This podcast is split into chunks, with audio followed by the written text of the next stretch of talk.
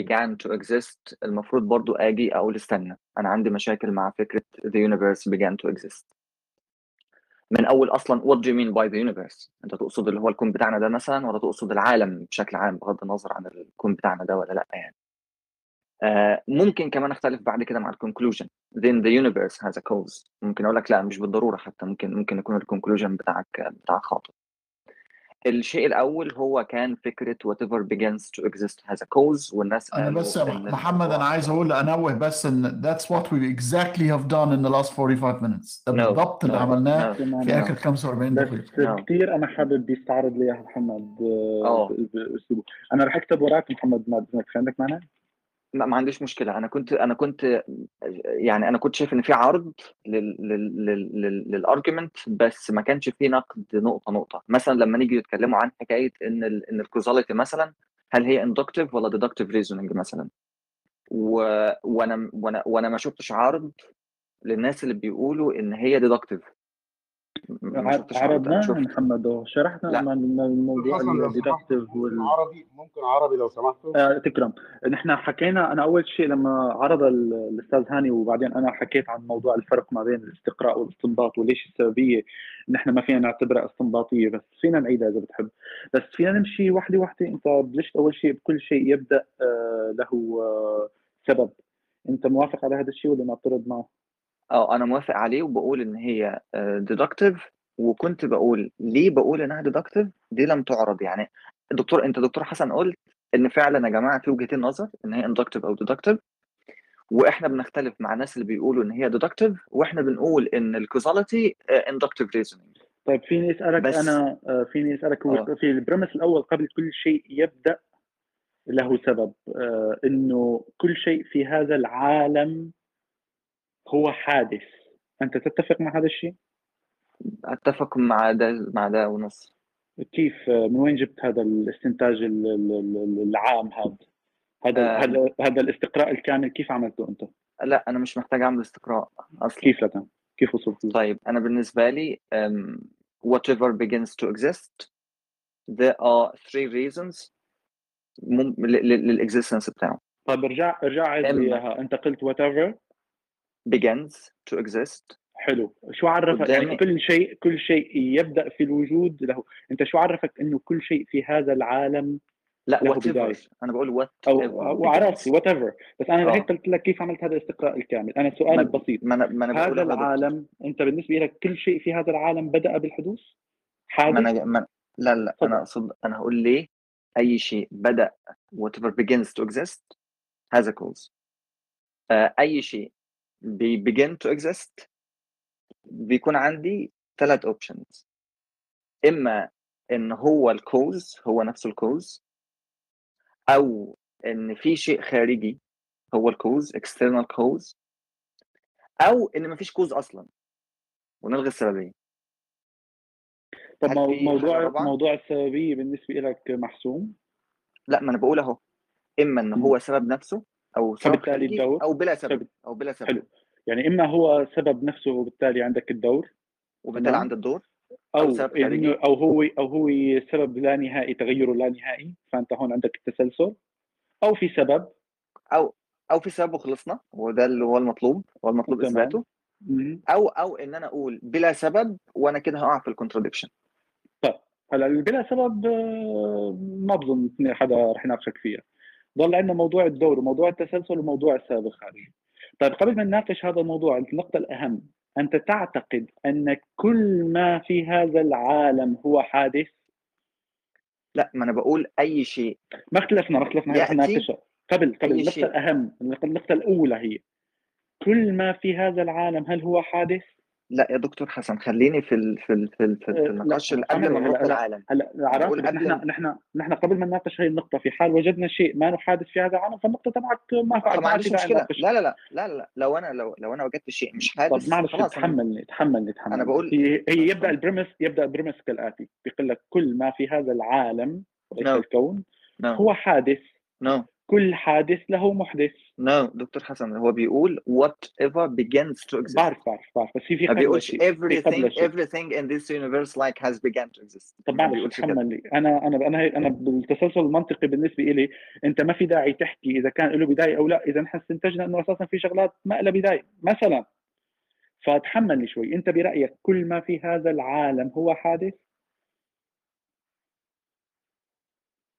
كل ما في هذا العالم هو حادث. مهم. yes. هيك رايك yes. كيف عرفت؟ كيف عرفت؟ لأن كل ما في هذا العالم متغير. أنت شفت كل ما في هذا العالم؟ لا كيف بس كيف عملت العالم هذا الاستقراء الكامل هذا؟ أنا اشرح لي. لا ابدا أنا ابدا. كل أنا رح أقول لك أنا رح أقول لك كل ما في هذه الغرفة مصنوع من الحديد. أنا لازم لا. عملت كل ما في هذه الغرفة شفته. الفكرة كلها لا لا وفي في إن مشكلة العالم- كمان وفي في مشكلة. ال- ممكن يكون عندك شيء eternal تماما و morphs يعني عارف- عندك ال energy ال energy وال matter eternal بس بياخدوا أشكال مختلفة فبيتغير. يعني يعني أنت هذه ال composition مشكلة. كيف عملت أنا ال composition ما عنديش كيف كيف مشكلة طلع معك؟ كيف طلع معك مشكلة إنه كل من لا لا عندنا مشكلة. إن في كل ما في. هذا الكون هو حادث حادث. ما ما شو عرفك؟ شو عرفك إنه كل ما هذا الكون شو شو الشيء اللي. انطلقت منه؟ تفضل. ما أنا هقول. الشيء ده أنا انطلقت منه ان كل ما في الكون ده راجع ل آه، ل ل one event that occurs in مين قال؟ مين قال هيك؟ هو هو العلم العلم بيقول كده. العلم بيقول العلم؟ كل شيء. شو آه، بيقول العلم العلم؟ بيقول كل العلم بيقول الكون ده كله نتاج ال inflation بعد أنا أنا أنا سألت عن الكون يا دكتور محمد ولا سالت عن العالم. إيه ما أنا بتكلم على ده على العالم الكون لا. بتاعنا يعني. لا لا لا لا الكون العلم وصل بعد ثابت بلانك بشوي وقال لك إنه هذا الكون متوسع. لا قال لك إنه بدأ من وهو بس بس هو ده وده لا لا ما لا لا ما بيلزمك. أنا هي شرحتها قبل. قلت أنا موضوع ال expansion theory ما له علاقة ببداية الكون. لا يوجد في العلم ما شيء يقول لك دكتور. أن الكون لا في مشكلة كبيرة. أنا أنا سألتك قلت لك في شيء كل شيء في هذا الكون قلت انت كل شيء في هذا الكون يعود إلى نقطة لا،. لا، لا. هذا الكلام غير لا. صحيح. لا لا. أنا في دماغي بتكلم عن الكون مش العالم.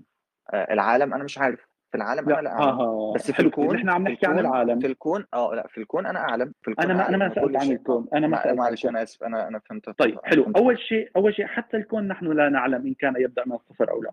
وأنا أنا وياك فينا نتناقش فيها. لا يوجد شيء علمي يقول طبعا ما بنحكي عن theoretical frameworks لأن theoretical frameworks رياضية.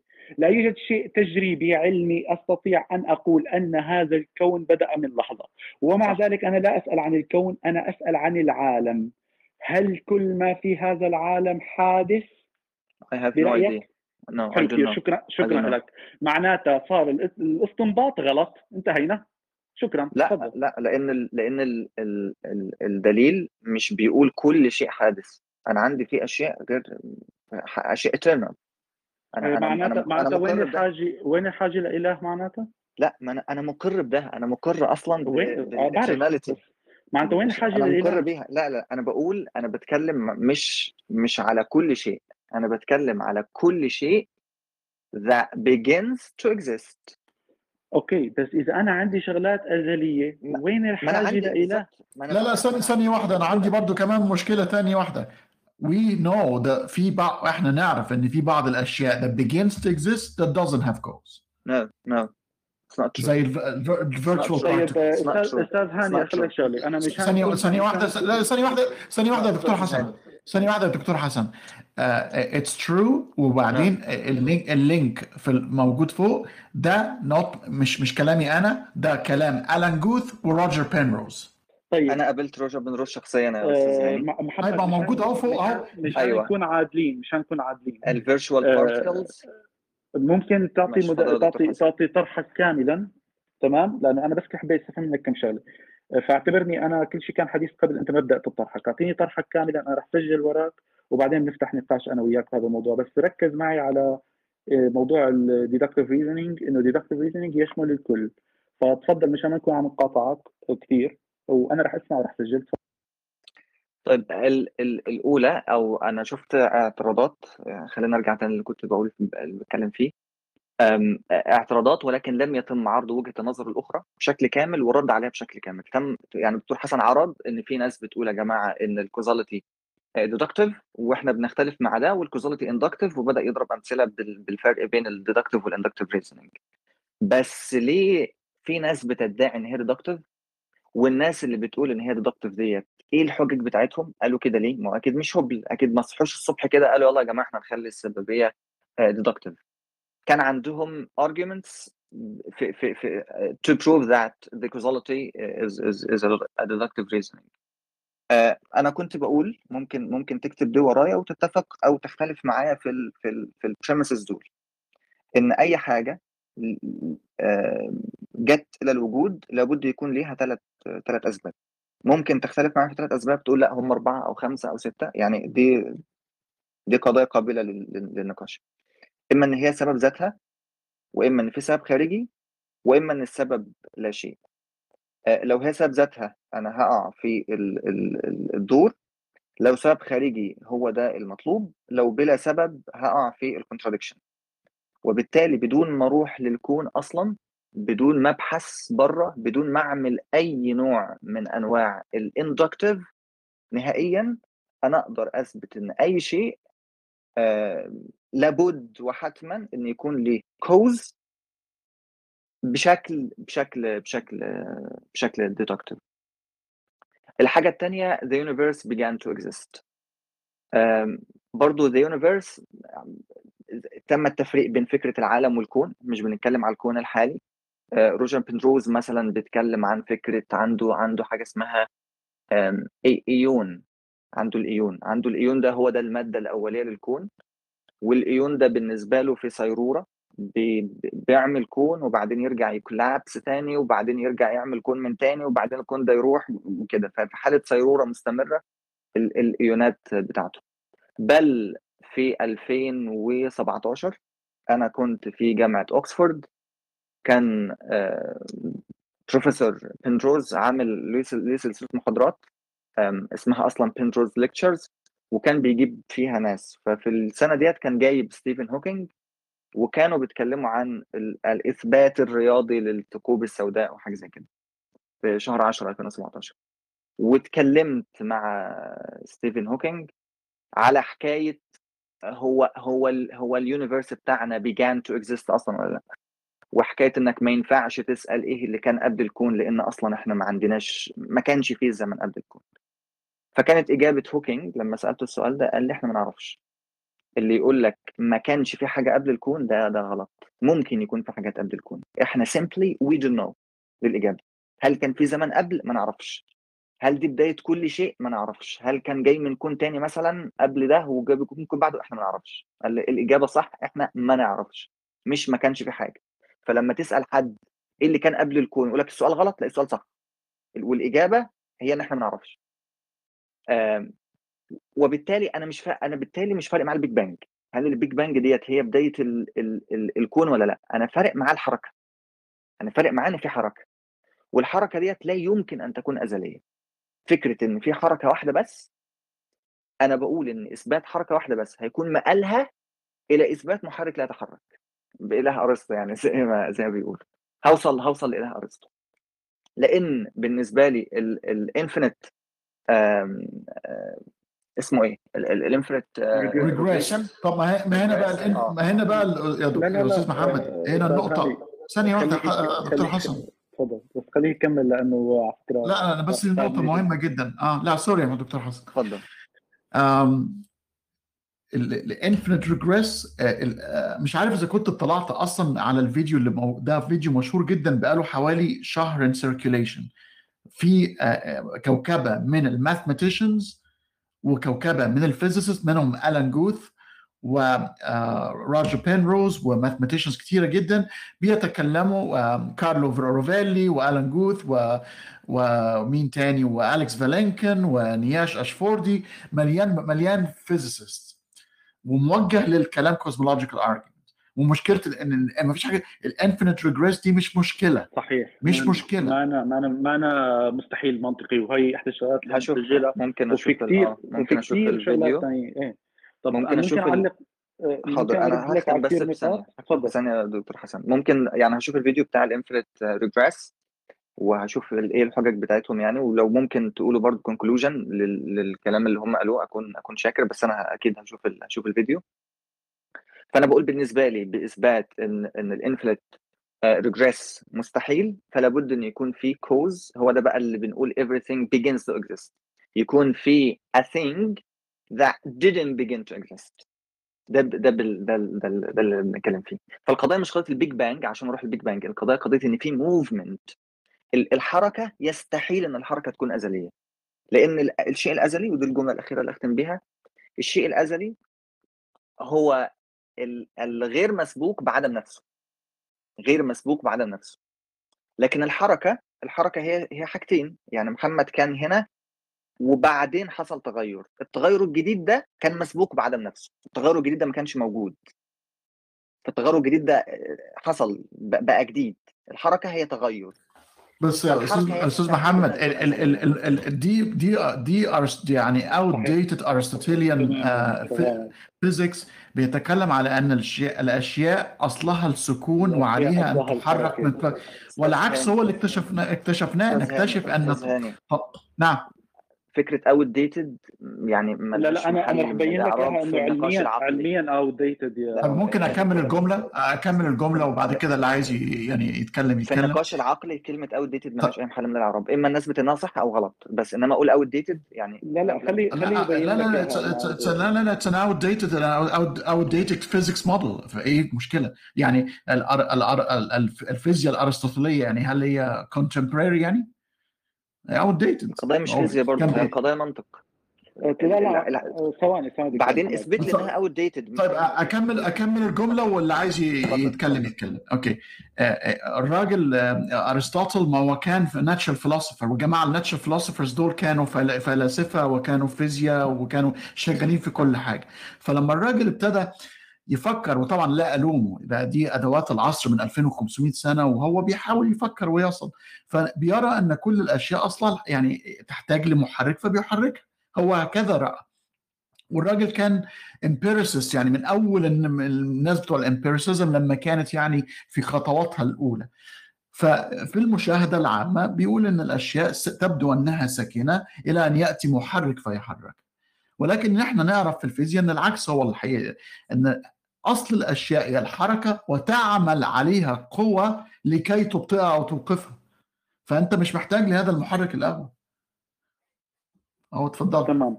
آه لا هي اوت ديتد وعلميا دكتور محمد رح أقول لك ليش.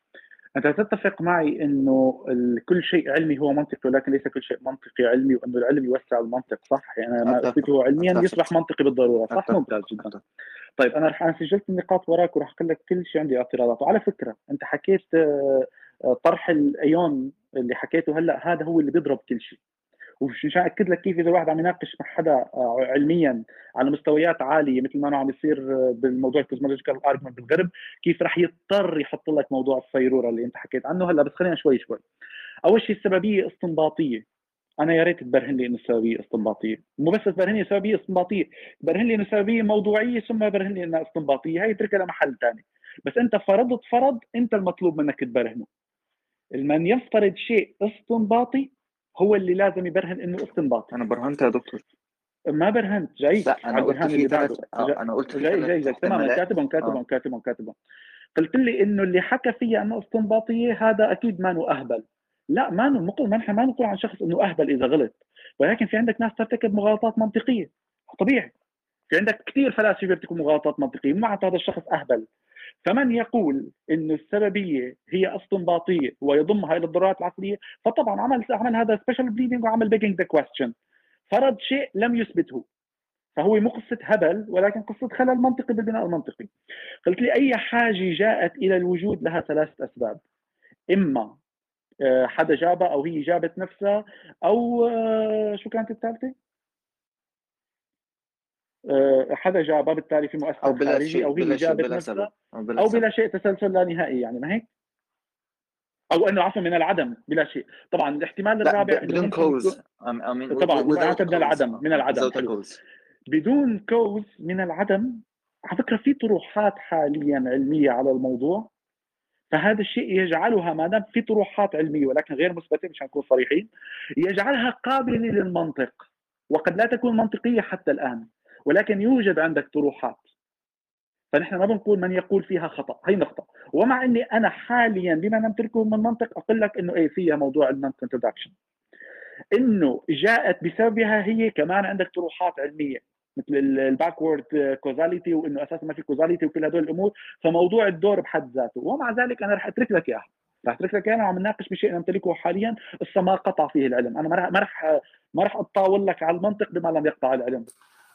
بس أنا عايز بس أضيف نقطة سريعة جدا. ال causal reasoning معروفة جدا في الفلسفة أنها inductive تماما. هو هذا هو هيك أنا قلت له بالاول إنه حاول تثبتها طيب عندنا شغلة دكتور محمد أنت حكيت عن ال universe وحتى ال universe نحن ما قادرين نبرهن لا منطقيا ولا علميا إنه له بداية.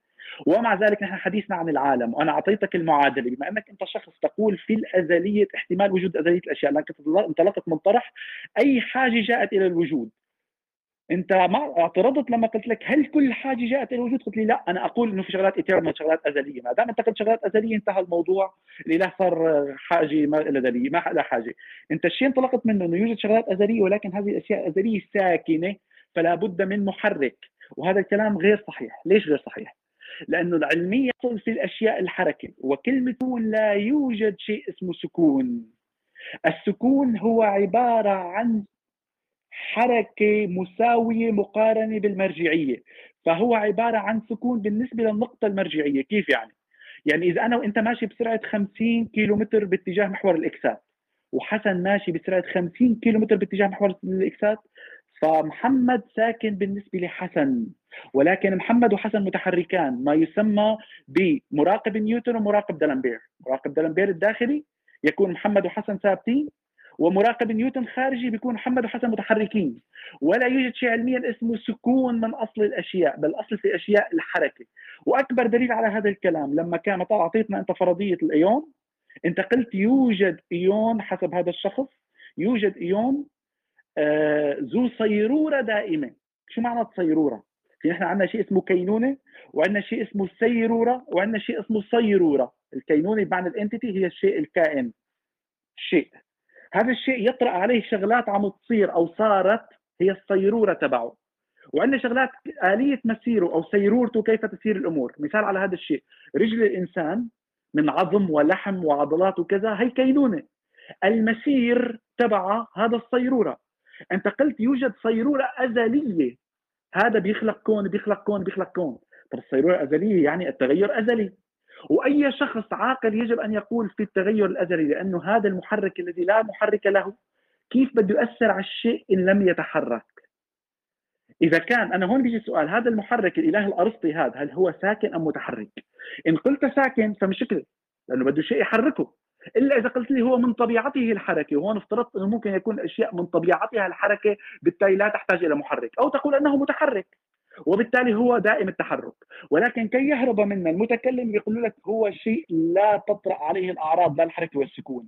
وهون عمل الثالث المرفوع لأنه لا يوجد شيء ثالث عن الحركة والسكون يعني يا دكتور حسن يعني لما توصل له هتوصل له وتضطر تعمل له special pleading عشان تنتهي آه. آه. لذلك أنا قلت لك هذا هذا الإله هو إله special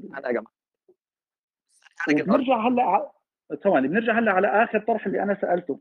قلت لك وعلى فكرة ال infinite regress مثل ما قال لك الدكتور هاني فيك تسأل عنها كمان البروفيسور معتز.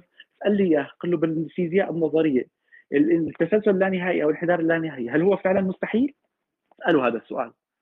طيب آه وعلى فكرة الكلام كله استنباطي وقطعي بالرغم إنه نحن بنعرف إنه السماء اثبتناها وبنعرف إنه لما صارت إحدى أنواع ال interpretations اللي انفهمت غلط لموضوع ال quantum بموضوع ال ال شو اسمه ال quantum fluctuation وال وال شو يسموه لا ال entanglement عفوا ال quantum entanglement الارتباط شو التشابك الكمي. العالم العالم قبليته منطقيا بالتالي الأمور مفتوحة. ومع ذلك أنا قلت لك ما نتناقشك فيها. ضل سؤالي لك هو المعادلة اللي أنا أعطيتك إياها اللي هي X اللي هو الإله أعطى X plus E اللي هو الوجود أو العالم. إذا اعتبرنا إنه X الأولى مثل ال X الثانية والإله لم يتغير فمعناتها إما كان ال E أساسا موجود وكانت من البداية X plus E يساوي X plus E بالتالي العالم أزلي وهنا لا حاجة للاله لأن الأصل في الأشياء التغير والحركة. أو كان X أعطى X plus E ولم يتغير بالتالي ال E يساوي الصفر.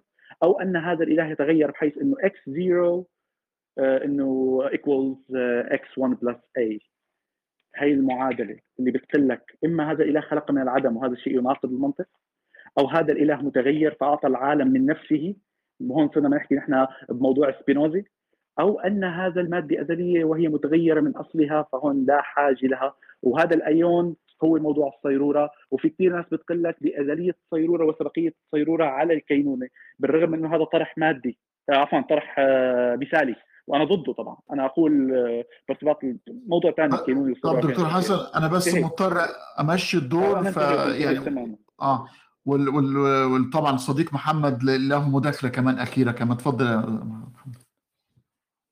ده ده المفروض اتكلم دلوقتي ولا هتمشي الدور لحد تاني؟ لا لا لا ليك طبعا مداخله أخيرة اتفضل اتفضل آه طيب هو أنا كنت بتكلم في حكاية إن طبيعة المادة التغير هو المطلوب هو ده المطلوب بما إن طبيعتها الحركة أصلا وإحنا بالتالي لا يستحيل أن تكون الحركة ديت أزلية خلاص هو ده المطلوب. مين قال يستحيل كلمة- تكون ازليه يا محمد؟ آه ما إحنا ما اتفقناش. قلنا ساعة عم نحكي إنه لا يستحيل لا لا لا. ما هو حضرتك ما قلتليش ليه ليه ليه الحركة دي ممكن تكون أزلية؟ أنا لا يوجد- ينفعش لأنه تكون لا أزلية. يوجد- طبيعة لا الأشياء يا أستاذ محمد مش إحنا مش إحنا قاعدين لسه من شوية بنقول إن طبيعة الأشياء هي الحركة.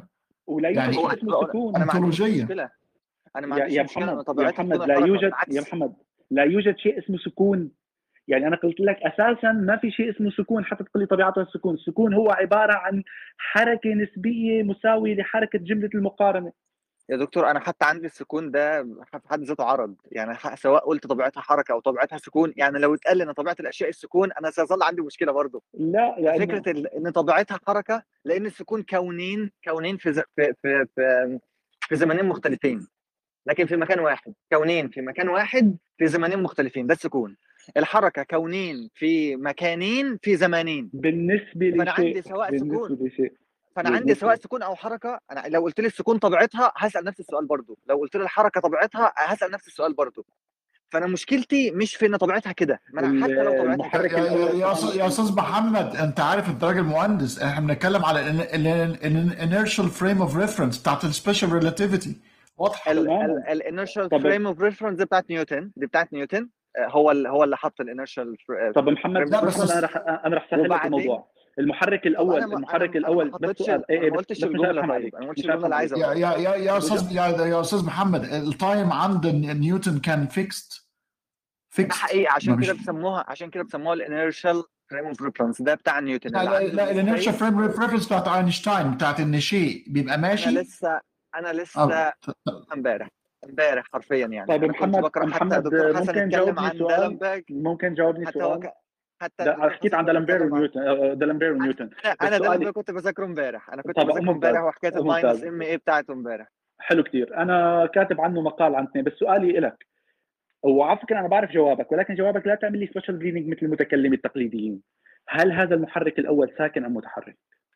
طيب دي دي دي بره دي بره ال cosmological آه. كلام argument دي بره. لا مو لا ابدا. أنت أنت أنت فرضت. لي هو هو الجواب. هل هو طب جاوبني معلش تحملني. هل هو ساكن أم متحرك؟ ولي ثالث مرفوع؟ ثالث مرفوع. لا مش حكايه ثالث مرفوع. أنا بقول ثالث الثالث مرفوع؟ المرفوع الثالث المرفوع ما يمكن أن يوصف بالشيء. علشان أقول ثالث أنا طب مرفوع. أنا سؤالي. أنت قلت هو هو ال unmoved prime mover اللي هو لا لا لا ده, ده. كلام ارسطو لا لا لا دي كلام ده كلام. بالنسبة أنا لك أنا استخدمتها لا لا؟ لا لا لا لا لا أنا أنا شو هو بالنسبة لك؟ شو هو بالنسبة لك؟ فهمني شو هذا أنا؟ بالنسبة لي أنا بالنسبة لي لا تقوم به أعراض أصلا علشان أقول هو شو يعني لا تقوم السؤال ده به أعراض؟ شو يعني لا تقوم به السؤال أعراض؟ ده غلط يعني السؤال هل هو ساكن ولا متحرك. ده بالنسبة لي غلط إذا إذا نحن عملنا special نحن قلنا بالأول إنه جميع الأشياء حادثة وتقوم بها أعراض إلا هذا الإله مع إنه آه، ليه؟ اولا عملت عمل جايك عملت special pleading مو هيك الفكرة. الفكرة إنه أنا ماني قادر أوصف شو معنات لا تقوم به أعراض. أنت عم تفرض لي شيء أنا ماني قادر أتخيله. شو يعني لا تقوم باعراض يعني شو يعني ممكن يكون الشيء لا ساكن ولا متحرك؟ يعني مثل إذا أنا قلت لك فرضت العدم أنا ماني قادر أتخيل العدم. أنا كلمة لا تقوم باعراض اللي أنت افترضتها وعم تبني عليها كلامك ما في شو معنات لا تقوم باعراض لا تقوم باعراض يعني هذا الشيء لا إنه ساكن ولا انه متحرك. I was forced to say so. I was forced ممتاز. to to to into مجبر- ثواني. شوي. أنت مجبر أن تقول ذلك صح؟ لأن بالظبط. لأن لأن هيحصل عندي هيحصل عندي تناقض. ممتاز. معناتها أنت اصطدمت اصطدمت بمستحيل معين. بدل ما ترجع وتشوف إنه البريمسز تبعيتك غلط لا كنت مجبر ثواني كنت مجبر تعمل مغالطة منطقية. لا لا لا إذا لا انت لا لا طبعا. أنت قلت I was forced to لا say لا لا لا. ط- أيوه. ليه؟ ليه؟ ما بالنسبة لي مش مغالطة منطقية. هل وجود شيء مثلا مثلا لما تيجي تسألني هل هل الكوباية متجوزة ولا ولا ولا عازبة وأقول لك السؤال كلام غلط لا أنا بقول لك for. لا لا لا لا لا, لا ابدا أنت لما بتسألني ليش الكوباية ما أنا متجوزة ولا أنا عزبة قادر أوصف لك ليش لأنه بس وأنا قادر ببساطة أوصف الثاني بالظبط وأنا قادر اشرح لي كيف كيف, كيف هذا الإله كيف هذا الإله الذي يحرك وبالتالي عنده علاقة سنخية اللي هي cause and effect bridge أو cause and effect relationship لأنه هو الذي يحرك الأشياء. أنا لما بقول لك هذه الكباية شاركت بعملية الزواج بشرح لك كيف. أنت عم تقول هذا الإله شارك بعملية التحريك ولكنه ليس متحرك وليس ساكن. اشرح لي كيف. أنت عملت هون false equivalence مغالطة التشابه الزائف. أنت تقول إله قام بالتحريك ولكنه ليس لديه لا طبيعة الحركة ولا طبيعة السكون.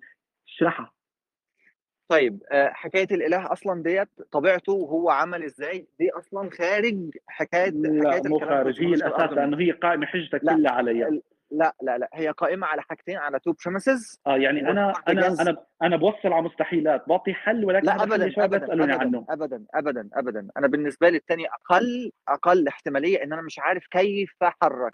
أنا دي يعني طيب أستاذ مع... أعرفها. آه، لا أنا ب- معلش أنا مضطر أمشي الدور بس يا أستاذ محمد أطلب طيب آه طيب. شكرا شكرا عزيزي.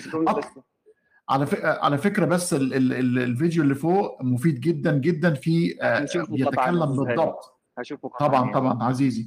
آه، في بالضبط المنطقة اللي أنت عايز فيها لأن طبعا ال infinity داخلة في هذا الموضوع وال causality ال infinity وال causality الاثنين دول آه، الشقين المهمين جدا محطوطين والرد عليهم من قبل mathematicians و physicists هل ال infinity آه، مستحيلة رياضيا؟ طبعا إحنا عارفين إنها مش مستحيلة رياضيا ولكن المشكلة كانت فيزيائيا فرد الفيزيائيين على ال infinity كانت كانت آه، يعني exist فدي مهمة جدا.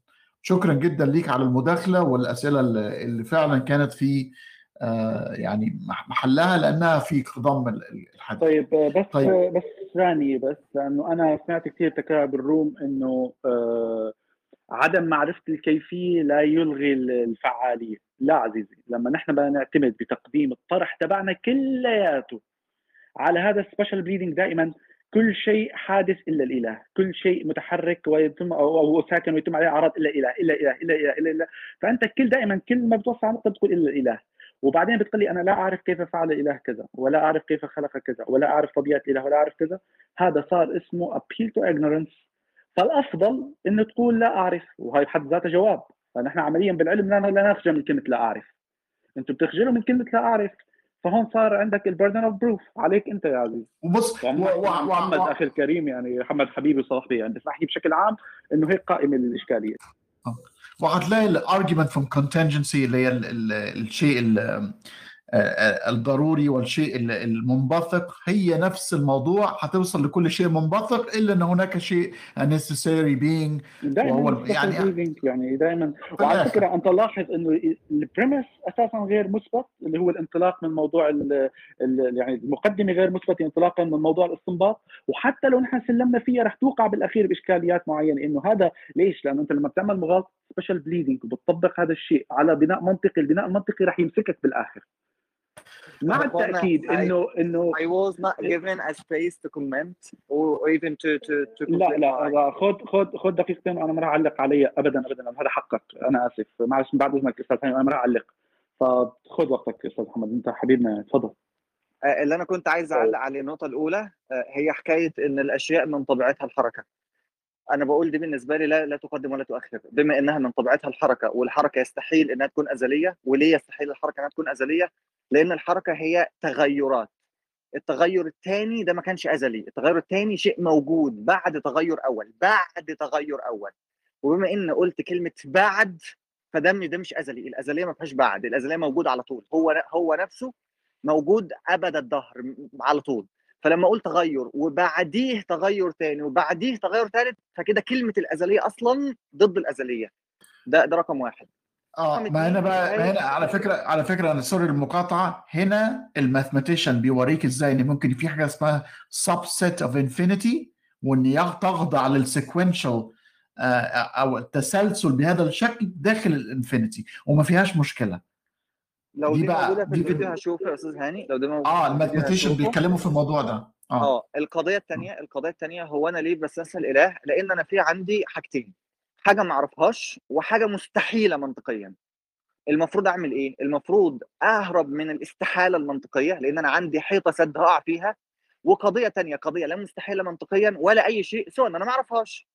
فأنا مش هروح أدغدغ قوانين المنطق والعقل عشان شيء أنا ما أعرفوش. بقول لأ أنا قوانين العقل عندي أهم على ما أقعش في ال contradiction ما أقعش مثلا في ال في ال في ال في ال في ال في, في ال infinite progression أو أو غيرها أو الحاجات ديت ما أقعش فيها في سبيل إن أنا عندي معلومة لا أعلمها. فأيهما أولى بالتصديق؟ دغدغة قوانين المنطق ولا إن أنا أقول في معلومة ما أعرفهاش؟ وليست وليس فيها دغدغة قوانين المنطق ان أنا أقول شيء لا تقوم به أعراض. دكتور محمد هي ده, ده, ده مغالطة. بس تعليق هي يعني. مو عرف يعني أنا وعدتك إني مرد هي مو قصة دغدغة. هي قصة مغالطة. يعني فرق ما بين دغدغة وما بين إنك تغالط البناء تبعك. بالإضافة إلى إحنا حكينا انه ال infinite regress إذا بتشوفوا عند الرياضي على فكرة أنا وعدتك ما رد لأنه أساسا أنا رديت على هذا الكلام من قبل ومشكور جدا بس إنه طمن أخذت حقك بالرد أو شيء؟ تسلم تسلم يا دكتور حسن. لو تسلم. تسمحوا لي اعلق على النقطة دي.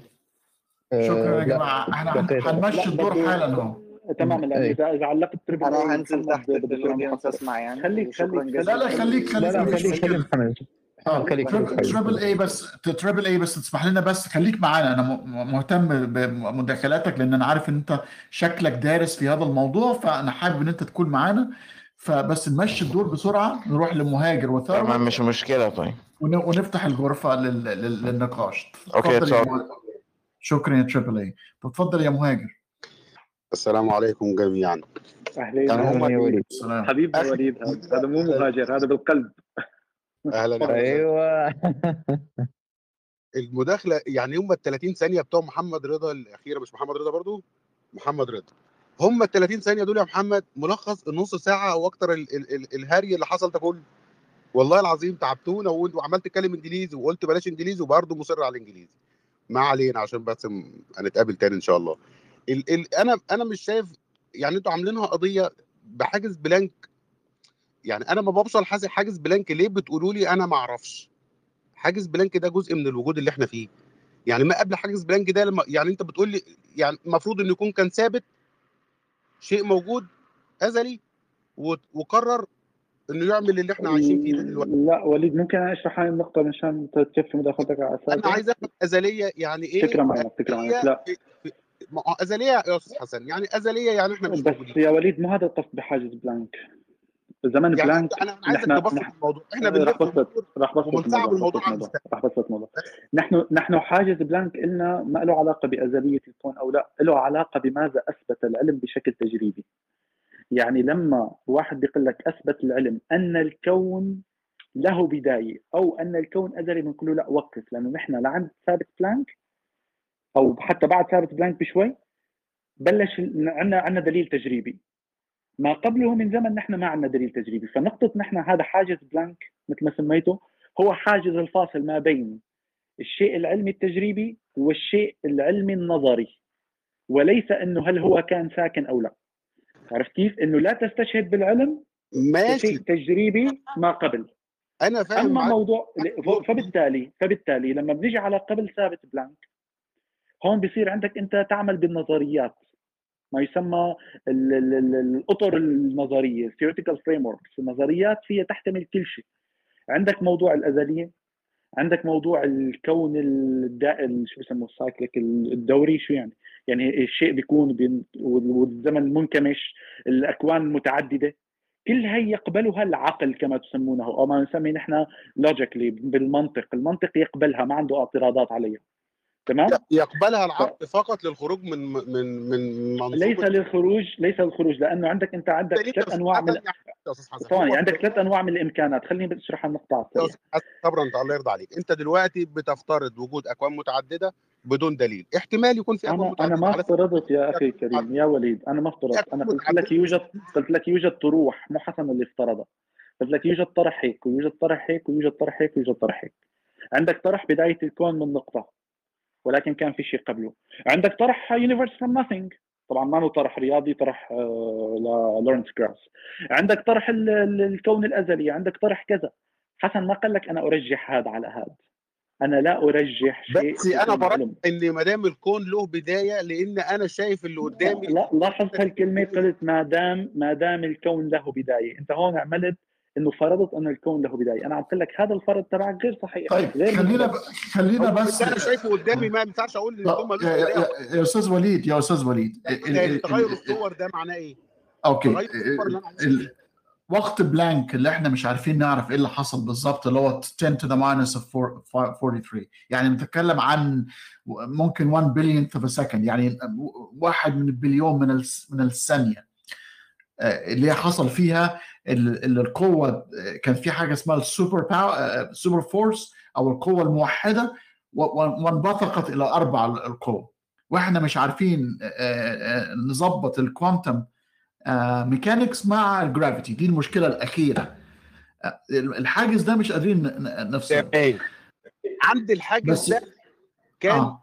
بتقول لي إن قبل الحاجز ده المفروض يكون على كلامك ان يكون الكون كان أزلي كان هو ما كانش في حاجة قبل لا منه؟ لا لا ما حدش قال حاجة خالص. كل كل اللي بنقوله كل اللي بنتقال في هذه المنطقة إن إحنا لا نعرف. ولكن هناك فرضيات كثيرة آه، آه، آه، تحاول أن تفسر ماذا حدث. فرضيات. بناء على اللي إحنا فيه إنه حدث تغير في الحالة اللي المادة كانت عليها في الوقت ده. التمدد. آه ال inflation وافتراق القوى ال- ال- العظمى إلى أربعة. ممتاز. حاجة من الاثنين يا إما كانت ال- ال- اللي قبل حاجز بلانك ده المادة اللي موجودة أو الشيء اللي موجود قبل حاجز بلانك كان موجود منذ الأزل لا يتحرك وفجأة قرر الحركة. هل ده اللي أنت بتقوله؟ لا مش لا مش, مش ده. الم- الموديل في مثلا أحد الموديل اللي هو ال cyclic universe آه هذا الكون الدوار. ان ان إن كان في كون آه الكون بي بيعدي في حاجة اسمها ال- ال bounce يعني يقفز يعني حتى يعني- الكون الدوار يبقى الكون الدوار أكمل لك بس عشان تفهم يعني آه، يعني عشان تسألت السؤال. ان ان إن ال- الكون زي مخروطين من ناحية تانية وفي المخروطين متصلين بمنطقة صغيرة جدا. إن في كون قديم أو أقدم أو قبل هذا الكون هو يعني آه، حصل له collapse على نفسه وكل الطاقة اللي فيه اتجمعت في ال singularity أو في هذه المفردة وكونت الكون مع بيحصل لها inflation وهكذا دواليك. هذا الكون ال cyclic universe وال big bounce هيتكرر بنفس الطريقة. عندما ينتهي الكون بتاعنا هيحصل له كولابس مرة و- وينطلق بنفس الطريقة. فدي أحد الفرضيات. ممتاز. يبقى أنا كده عندي منذ الأزل الكون ينفجر وينكمش ينفجر وينكمش يبقى إحنا ما كناش هنوصل للنقطة النقطة اللي إحنا فيها برضو أنت. إزاي وصلت هنا في الانفاني ما ما هنا مع يبقى يبقى أنا دايما لازم أرجع الناس الإنفينيتي مفهومة خدعوك فقالوا. لا ال ال ال ال ال ال الفيديو اللي فوق في mathematicians ناس رياضيين من يعني من عتاولة الرياضة في العالم. بيتكلم إن هذا هذا مفهوم خاطئ عن ال infinity. هذا مفهوم شعري أدبي عن ال infinity. أستاذ هاني أنا ماليش دعوة بالفيديو اللي أنت بتقوله دلوقتي إن الكون بينكمش وينفجر. طيب آه، وليد وليد بتحب أنا أبين لك من ال- من الحجة الدينية تبعك انه هذا الكلام غير صحيح؟ خالص أنا ماليش دعوة ولا بالحجة الدينية ولا طيب بالحجه أنا لا مش مبين لك إنه بحجة بالحجه الإلهية إنه هذا الكلام غير صحيح. الإلهية سؤال. ثواني شوي ثواني شوي. طول بالك طول بالك طول بالك طول بالك طيب. لا لا أنت بتقول أيوة، هذا الشيء الناس- مستحيل. أنا رح ابين لك إنه الحجه الأخرى الطرف الآخر يعتمد مالناش الحجة. دعوة بالحجة الأخرى. أنت دلوقتي خلينا نقول إن الحجة اللي إحنا بنتكلم فيها مستحيلة وبعدين نروح للحجة مين الأخرى. قال لك مين قال لك إنها مستحيلة يا أخي كريم؟ إحنا لنا ساعه عم أنت بتقول نحكي لي الكون بينكمش وينفجر ينكمش وينفجر إلى ما لا نهاية. إحنا طيب. جينا النهارده إزاي؟ بتعرف الدكتور معتز؟ لا ما أعرفوش. البروفيسور معتز معتز إمام. إمام معتز إمام. دكتور ال theoretical physics معتز إمام اللي بيعمل ال ال الفيزياء بيتكلم عن الفيزياء. الفيزياء أيوه. أي أي هو. ده. بس يفتح بس يفتح room على الفيزياء. روح ارفع إيدك واسأله السؤال الاتي قل له هل التسلسل اللانهائي مستحيل رياضيا وفيزيائيا؟ اسأله هذا السؤال. شو رأيك؟ طيب جاوبني هنا علشان خاطر الناس اللي بتحصل لا أنا وليد- أنا- وليد- أنا واحد م... أنا واحد بس- منحاز روح اسأل دكتور مسلم ثيوريتيكال فيزيكس أنا دكتور حسن أنا أنا أنا اعطي له اعطي له المنطقة اللي هتقفل هذا الموضوع. مش أنت مش يقال في في المنظومة ال ال الدينية أن عند الممات نتحول إلى يعني أرواح وهذه الأرواح في عالم هذا العالم هو سرمدي يعني لا يعني لا نهائي في المستقبل. إحنا مشكلتنا في اللانهائيه في الماضي لأن لو كان هناك لا نهائية في الماضي لن يكون هناك لحظة نصل إليها اليوم. ولكن في اللانهائيه بتاعت المستقبل. يقال أن يعني في وقت معين أنت تأكل فيه في في جماعة. ممكن الجماعة الجنس يصل إلى خمسين ألف سنة مما نعد. إزاي هيكون في هذا الأوقات؟ اللي يعني ما معنى كلمة خمسين ألف سنة؟ يعني لو بتفترض صحة الدين عشان تدلل على كلامك؟ يا نهار أبيض. أنا كده اللي بفترض أنا بوريك مشكلتك أنا بوريك إن مشكلتك أنت مشكلتك مش كونسنس ثانية بس أكمل يا دكتور حسن. يا دكتور حسن بس أكمل هذه الجملة. أنت بتقول الأزلية يعني بدليل إن الإله بيقول إن إحنا لا لا لا وليد وليد وليد بس بس اسمع بس اسمع واحدة. بس اسمع الفكرة أنا أنا أنا بوريك أنا أنا بوريك المشكلة في إن في عدم فهمك لل infinity بطريقة صحيحة. أنت بتقول إن infinity من خصائصها إن لا يمكن أن يكون فيها نصل إلى هذه اللحظة. لأن ما فيش حاجة اسمها امبارح أو أول امبارح في ال infinity. ولكن في ال infinity ده ال infinity الماضي. لكن infinity المستقبل مع وعد الإله هو infinity من نوع مختلف. ليه؟ لأن في بعض الأشياء التي سوف تفعل ولها عمر معين ولكن هذا مسموح. لأن هذا ال infinity الإلهي يختلف عن ال infinity الفيزيائي في الماضي. والله يا أستاذ هاني أنت وصلتنا للفكرة الجميله أستاذ وليد أستاذ وليد أستاذ وليد. أستاذ وليد طول بالك يا حبيبي خليني أشرح لك شغله ليك أخي الكريم. نحن نحن ما تقولي شو حجتكم نحن نقول أننا لا نعرف ولكن نقول هناك طروح معينة. نعترض على من يقول أنه يعرف ويقدم حجة هي حجة الحدوث أو ال cosmological argument أو كذا. ونلزمه بما يقول. أنا مثل ما ألزمتهم بإشكالية الخلق من العدم مع المادة أنا عندي اشكاليه التسلسل اللانهائي اللي أنت حكيت عنه. إذا كان هذا الكون ممكن أن يحدث قبل ليش ما بيحدث قبل؟ ليش ما بيحدث قبل؟ موضوع الزينان بارادوكس طب أنا راح أعطيك هي الإشكالية عند الإله ذات نفسه حسب الادعاء. انت ليه بتقول هل يا أستاذ حسن؟ أنا أنا شرحت لك ليش قبل ما أحكي. ثواني يا وليد. اسمعني اسمعني تحملني تحملني شوي. أنا شرحت لك قبل إنه نحن عم نرد على حجة دينية. تمام؟ نلزمهم بما يقولون. طيب هذا الإله خلق الكون. فأمام هذا الإله عدة خيارات. إما أن إرادته في خلق الكون هي إرادة أزلية فبالتالي بدل ما كان يخلق هلا كان كان يخلق قبله يخلق قبله يخلق قبله فما رح نوصل لهذا الكون حسب كلامكم أنتم. فبالتالي هذا الوقع بالانحدار اللانهائي أو أن إرادة هذا الإله هي من طبيعته أن يخلق هذا الكون في هذه اللحظة بالتالي هو مجبر ولا يستطيع أن يغيرها وهون أصبح الإله مجبر ومقيد بإرادته. أو أنه إرادته حادثة وبالتالي هذا الإله حادث لأن محتوى حوادث فهو حادث. اذا الإله إما يقع في التسلسل اللانهائي أو أنه مجبر بطبيعته أن يخلق الكون في هذه اللحظة أو أنه حادث. أما موضوع الهروب منا مثل ما بيعملوا بعض الأخوة إنه إرادته في إرادة قديمة وإرادة محدثة فهذا كلام فارغ. هل الاراده المحدثه هل هي من الله؟ أم هي زائدة على الله؟ إحنا ما خلصناش من الأزلية الأول عشان نشوف الاله ما أنا أنا مبين لك أنا ما ألزمك يا حبيبي يا يا وليد. انت انت انت ملاحظ فكرة إن إحنا عم نرد على الطرح الديني؟ حبيبي حبيبي أنت ملاحظ فكرة إن إحنا عم نرد على الطرح الديني؟ إذا ما انك ملاحظ فنحن عم نرد على الطرح الديني. أنت ليه نحن عم نبين لك إنه الطرح المقدم ليه يا وليد يا, يا حبيبي يا حبيبي أنا عن الطرح الديني. ثواني شوي ثواني شوي ثواني شوي. أنت إذا يا وليد يا وليد اسمع. تفضل. إذا أنا بدي رد على طرح فأنا لست مجبر إني أقدم لك طرح أفضل منه. أنت لما بتيجي بتقدم لي طرح وأنا ببين لك إنه غلط لا تقول لي كيف تفسره أنت. إذا أجيت لعندي وقلت لي هي هي سيارة ال BMW أبي عملها وأنا بينت لك مو أبوه عملها ماني مضطر أقول لك مين عملها.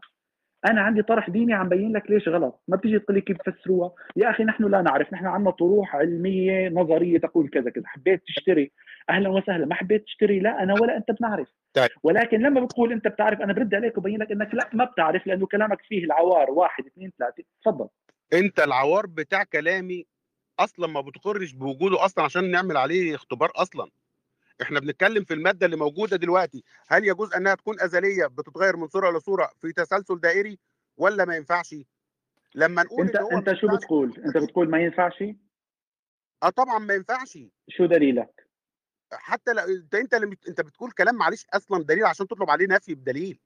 طب حلو كثير أنا أنا أعطيتك النفي. قلت لك بما أنك أنت قلت ما بينفعش إنه تكون متكررة وكلامك أساسا علميا غير مثبت وأنت بنيت عليه فما بنيت عليه باطل لأنه إذا أنا أخذت كلامك إنه ما بينفعش هي المادة ما تكون أزلية بالتالي نقول طرحي وطرحك خاطئ اعتمادا على طرحك أنت. لا أنا ما الفكرة؟ على طرحي أنا. خلص إحنا حلو. ما إحنا طيب ممتاز. ما أنا. أنا رح إجي اسلم معك جدلا جدلا ها؟ لا مش جدلا. مش جدلا لا، جدلاً. هذه؟ المادة هذه المادة لا ينفع معها الأزلية. حلو؟ شرف أنت برهن اللي كمل. شو استفدت من هالموضوع قول لي الأول ينفع معاها ولا ما ينفعش أزلية؟ والله أنت أنت صاحب الطرح. تفضل. نحن لا نعرف ما ينفعش معاها نحن أزلية. نحن نحن, نحن لا نعرف. أنت شو بتقول؟ نحن لا نعرف أنا بقول لك. إنها ما ينفعش فيها أزلية لأن إحنا ما كناش هنبقى موجودين دلوقتي. الازلي ساكن أو الازلي إيه. لا متغير في اذا الماضي إذا فما ما الحل. ما الحل إذا؟ ما الحل؟ من الحل إذا؟ الحل إذا مرجح خارجي. حلو كثير معناتها اجينا على المرجح الخارجي. شوف ما إيه، لك هذا أنت هذا المرجح الخارجي. لا ثواني تقر بالمرجح يا حسن ولا لا لا؟ أقر يا حبيبي. أنا مبين لك طيب، عوارك من كلامك. ما دام ما بتقرش بالمرجح يبقى بتقر بالازليه يا وليد يا وليد ليش لا تهرب من الموضوع؟ فاهم علي؟ أنا ما بهربش انت والله انت أنا معاك في الموضوع. اسمع اسمع اسمع أنت شو حكيت؟ أنت قلت يا حسن هل المادة أزلية أو لا؟ فاجى حسن جاوبك لا أعرف. أنت بتعرف يا وليد؟ قلت نعم أعرف. قلت لك شو بتعرف؟ قلت لي المادة لا يمكن أن ازليه قلت لك حلو. إذا المادة لا يمكن أن تكون أزلية كيف وجدت؟ قلت لي يوجد مرجح. قلت لك ممتاز. تعال نشوف صحة كلامك إذا يوجد مرجح ولا لا واللي أنا وياك ما بنعرف لأنه إذا قلت لك حلو. إنه كلامك لا غلط نجي الأول أنا وياك لا نعرف. الأول اطعن الأول في أزلية المادة وبعد كده لا لا لا لا. يا أخي المرجح. أنا ما قلت لك. يا وليد يا حبيبي بعد لك إياها على البطيء للمرة الأخيرة. أنت اجيت سألتني قلت لي يا حسن هل المادة أزلية أو لا؟ بما إنه حسن بيعتمد كلامه على الأمور العلمية قال لك لا أعرف. أنت شو رأيك يا وليد؟ قلت له المادة لا يمكن أن تكون أزلية. قلت لك حلو. بناء على كلامك المادة لا يمكن أن تكون ازليه كيف إجيت؟ قلت لي يوجد مرجح. قلت لك ممتاز. معناتها أنا خليني ناقشك بهذا المرجح اذا بينت لك إنه كلامك غلط معناتها حسن ووليد لا يعرفون شو لا كده؟ كده لا كده كده أنت بتعمل قفزة. أنت تقول لي؟ الأول أنا موافق معاك إن الماده ليست ازليه وبعد كده اتكلم. لا حبيبي لا لا. طبعا أنا كلامي كلامي واضح ولا عم عيده على الفاضي يا دلوقتي؟ بتهرب منها. يا إما أزلية يا إما ما- مش أزلية. وافقت أنا لا أعرف. أنا لا أعرف. أنت شو رأيك؟ أنت شو رأيك؟ ازلي ولا لا؟ والله اللي أنا شايفه في الدنيا ديت ما فيش حاجة اسمها أزلية. عد لي عد لي هي الجملة الأخيرة اللي حكيتها. هو عد اللي عد لي لا لا لا لا عد لي عد لي هي الجملة الأخيرة اللي قلتها. شو قلت؟ أنا بقول لك اللي أنا شايفه في الدنيا اللي أنا فيها ديت. ممتاز. وقف لي وقف هون وقف هون. اتفضل اللي أنا شايفه هذا اسمه الاستقراء. أنا تمام. حسب ما أرى من الأشياء. إذا دليلك استقرائي سقط كل كلامك. لأنه والله بص يا حسن. أنت هتلعب بالألفاظ. وهتستخدم. الألفاظ في في الطعن في, الم... في... طب حقك علي أنا أنا ضعف آسف إني عم العب يعني. بالالفاظ بنرجع بنرجع. بنرجع على النقطة تبعتنا للمرة الأخيرة. مع آه من خلينا شوي النقطه الاخيره طب هقول لحضرتك حاجة عشان أنت وليد وليد سأل حسن قال له الماده ازليه ولا لا؟ حسن بسبب جهله قال له أنا لا أعرف. ما رأيك يا وليد؟ وليد بسبب علمه قال له إن المادة لا يمكن أن تكون أزلية. حسن مشان يتعلم من الأستاذ وليد سأله إذا لم تكن أزلية كيف جاءت؟ وليد قال له جاءت بمرجح. فحسن سأله هل هذا المرجح عندما قرر إيجاد المادة الآن؟ كانت إرادته حادثة أم أزلية؟ تفضل دكتور حسن أنت كده حولت على أبولو هبود تماما آسف يعني بس هو مش عايز بالضبط يجاوب طبعا. والله طيب جاوبني. هل هذا الإله كان ما جاوبت يعني الماده؟ ما تروحش للاله أنت رايح للإله ليه؟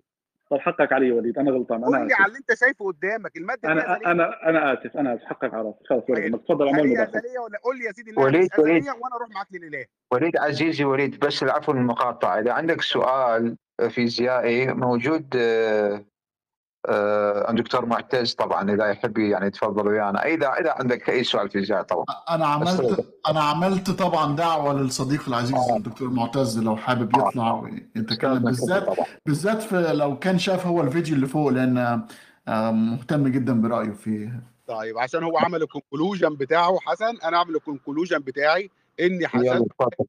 اجابه على سؤال هل المادة أزلية أم غير أزلية ويعتمد في نقد المبدأ الديني على عدم قدرته على إثبات الأزلية فيذهب إلى الطرف الآخر للضرب فيه والطعن فيه دون أن يثبت ما يعتقده هو نفسه. شكرا دكتور حسن. شرير يا زلمة. أنا طلعت شرير طلعت شخص شرير يا يا سيدي راسي عيني. بس ليك أنا بدي إياك تفكر فيها كالآتي. إجيت أنت لعند واحد مثل حسن سألته قلت له هل المادة يا حسن أزلية أو لا؟ حسن رح يقول لك المادة أزلية أو لا؟ يحسم لازم يكون عنده دليل علمي لأنه على إثبات الشيء لازم يكون دليل علمي فقال لك حسن لا أعرف حيث أن نصف العلم لا أعرف. فسألك قال لك يا وليد أنت بتعرف إذا المادة أزلية أو لا؟ فقلت له طبعا إنها حسب مشايف. حسن تجاوز إنه كلمة حسب مشايف هي شيء استقرائي وليست استنباطي. قال لك حلو يعني أنت متأكد أن المادة لا يمكن أن تكون أزلية قلت له طبعا. فسألك إذا ما أنا أزلية كيف جاءت المادة؟ قلت له جاء بها إله. حسن تجاوز كيف ممكن يكون جاء بها الاله من العدم؟ لأنه في له سؤال وسألك. سؤال بسيط. هل إرادة الإله عندما قرر أن تأتي هذه المادة كانت أزلية أم محدثة أو مجبر عليها؟ لأنه إذا كانت أزلية فحسب كلامك أنت هذه المادة لا يمكن أن تنشأ لأنه بدل ما تنشا لا تنشأ قبل. وإذا كانت محدثة هذه الإرادة وأنشأها في هذه اللحظة فالإله حادث لأنه ما ما تخلل له حوادث فهو حادث. وإذا كانت مجبر عليها فهذا الإله مجبر فإلهك إله أرسطو لأنه هو ساكن مجبر كذا. فكر لي فيها هي لحالها وبس تفكر فيها فكر لي كيف جاء هذا الإله بالمادة؟ هل كانت المادة موجودة أساسا؟ فبالتالي لا حاجة للإله لأن الأصل في أشياء التغير أساسا. أو لم تكن موجودة فجاء بها من نفسه فتغير. أو لم تكن موجودة وهو لم يتغير فالمادة جاءت من العدم وهذا الشيء يخالف قانون المنطق. فكر لي بهذول الأسئلة. أفكر وارجع مرة ثانية. أنت أصلا مش مجاوب على ال... مش معترف يعني أنت مش معترف بوجوده أصلا المرجح. أنت عايز إجابات على الأسئلة دي ليه؟ لأنه أنا ما دكتور. حسن أنا أنا بس عايز أنهي. يا جماعة. أرجوكم توقفوا على أن الشخص لازم يعتقد بفكرة حتى يدحضها. مش لازم نؤمن ب... ما ينفعش. يعني ممكن أنا أناقش أدخل معك في النقاش برغم إن أنا غير مقتنع بالفكرة. مش لازم أقتنع بال وحتى مو لازم يكون عندك كمان جواب إلها يعني مثلا أنت لما أعطيتك مثال لما أنت بتيجي بتقول لي أنا هي ال BMW جدي عملها. أول شيء أنا ماني مجبر صدقك لحتى ادحض الفكرة. مثلا أنت قلت لي أنا جدي صاحب ال BMW وهو اللي عمل السيارة. فأنا ماني مضطر بثبت لك إذا هو صاحبه أو لا ال BMW ماشي أنا مضطر اثبت لك إنه مو عملها ثواني. أنت بتنكر حواس. لاني مضطر لاني مضطر أصدق إنه هو صاحب شركة BMW لحتى ادحض الموضوع. ولاني مضطر أعطيك مين عمل هي السيارة. أنا ببساطة فيني آخذ أحد الفرضيات تبعك وبين لك إنه غلط إنه ليس جدك هو اللي عمل هي ال BMW أنا ماني مضطر لا أعطيك جواب كيف تشكل الكون لحتى ابين لك إنه حجتك خطأ. ولاني مضطر آمن بوجود إله حتى ابين لك إنه حجتك غلط. ببساطه انت اعطيتني حجة قائمة على premise بناء منطقي conclusion أنا ببين لك إنه حجتك غلط يا أخي الكريم بس. حسن أنت بتنكر حواسك عشان تدحض الفكرة بتاعتك. حواسي؟ طبعا. شو دخل حواسي بالنص؟ الوجود اللي موجودين الموجودين فيه حدث حادث بتنكره. إحنا مضطرين بس نمشي الدور يا جماعة لأن آه، لا بس آه. بس آخر الوجود حادث الوجود اللي أنا فيه حادث عشان ما وجود حادث؟ الوجود اللي إحنا فيه حادث. طب أنت إذا حادث معناتها كان العدم موجود وليد وليد روح لعند شي حدا من المشايخ كلهم الوجود هيقول لي حادث برضه العدم. برضه بتقفز. أنت يعني يا عم قول لي ان ده موجود. يعني لا إله يا أخي أنا قفيز أنا أنا قفيز يا وليد. أنا أنا؟ عندي جينات الضفادع. شو بدك تعمل أنت ليه بتاخد النقيض طيب وت- وتذهب ليه؟ يا وليد أنت عم تقول الوجود. أنا عايز بس أقول لوليد إن إن الحواس الحواس هي أكثر شيء تشك فيه في حياتك يا وليد. إذا أنت تعتمد على الحواس آه، للوصول هاني- إلى المعرفه هاني كلمة آه. كلمة الوجود حادث، الحادث هو الشيء الذي آه، كان يعني يعني بدأ. فكلمة بدأ معناتها قبله كان موجود عدمه لهذا الشيء، عدم الوجود هو العدم المطلق، فكلمة الوجود حادث إذا العدم كان موجود، العدم موجود يعني اللا وجود موجود قانون عدم التناقض، يا وليد.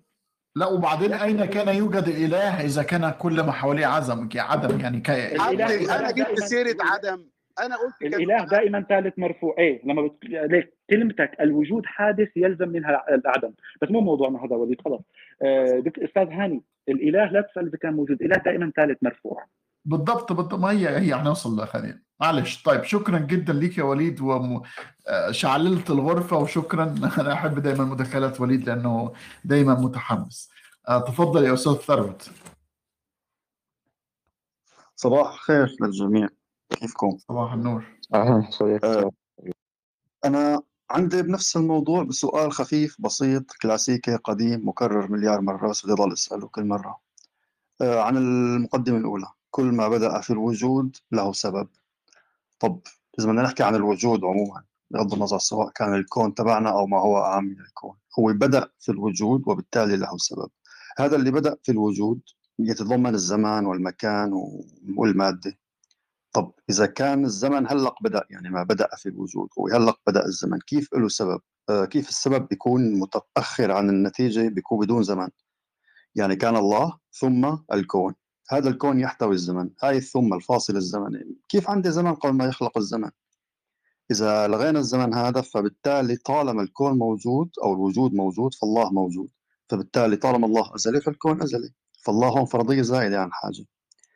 أنا ما عم ما عندي مشكلة بال 13.8 مليار سنة ضوئيه وما عندي مشكلة بالمينوس لا نهايه لهلق يعني بالأزل. عندي مشكلة بهذا الفاصل الزمني اللي هو ديتي اللي هو لا متناهي في الصغر. كيف جبنا زمن قبل ما يكون الزمن موجود؟ هذا سؤالي. اثنين تعقيب بسيط. صار أكثر من مرة اكتبها وسمعت تعريف الحركه هي زمنين مختلف هي مكانين مختلفين في زمنين مختلفين أو كونين مختلفين في زمنين مختلفين. هذا التعريف قديم كثير وهذا الحركة الخطيه فقط الحركة الخطية المستقيمة مثل سيارة على الطريق. أما حركة دائرية أو زاوية مثل بندول الساعة عادة بتواجد في نفس المكان في زمنين مختلفين. بندول الساعة بينوس من نقطة لنقطة وبيمر بكل نقطة في أكثر من زمن يعني. فهون التعريف تبع زمنين مختلفين مكانين مختلفين لا ينطبق على الحركة الزاوية هو بس للحركة المستقيمة.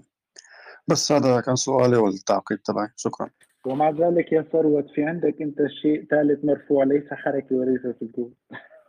بص آه, آه ثروت الفيزي ال time ده مشكلة. ال time آه يعني يتكلم عنه الفيزيائيين يعني هل هو fundamental هو شيء آه أساسي؟ حتى ال space time حتى ال space نفسه. هل المكان والزمان زي ما كان مع بعض. fundamental أشياء أساسية ولا أشياء emergent يعني منبثقة عن أشياء أخرى. أنا من يعني حتى يقال أن ماذا كان قبل ال Big Bang هو سؤال خاطئ لأن كلمة قبل معناتها وقت ولم يكن هناك وقت قبل ال Big Bang. أنا أعتبر إن هذا يعني أعتقد إن الكلام ده مش صحيح بشكل كامل.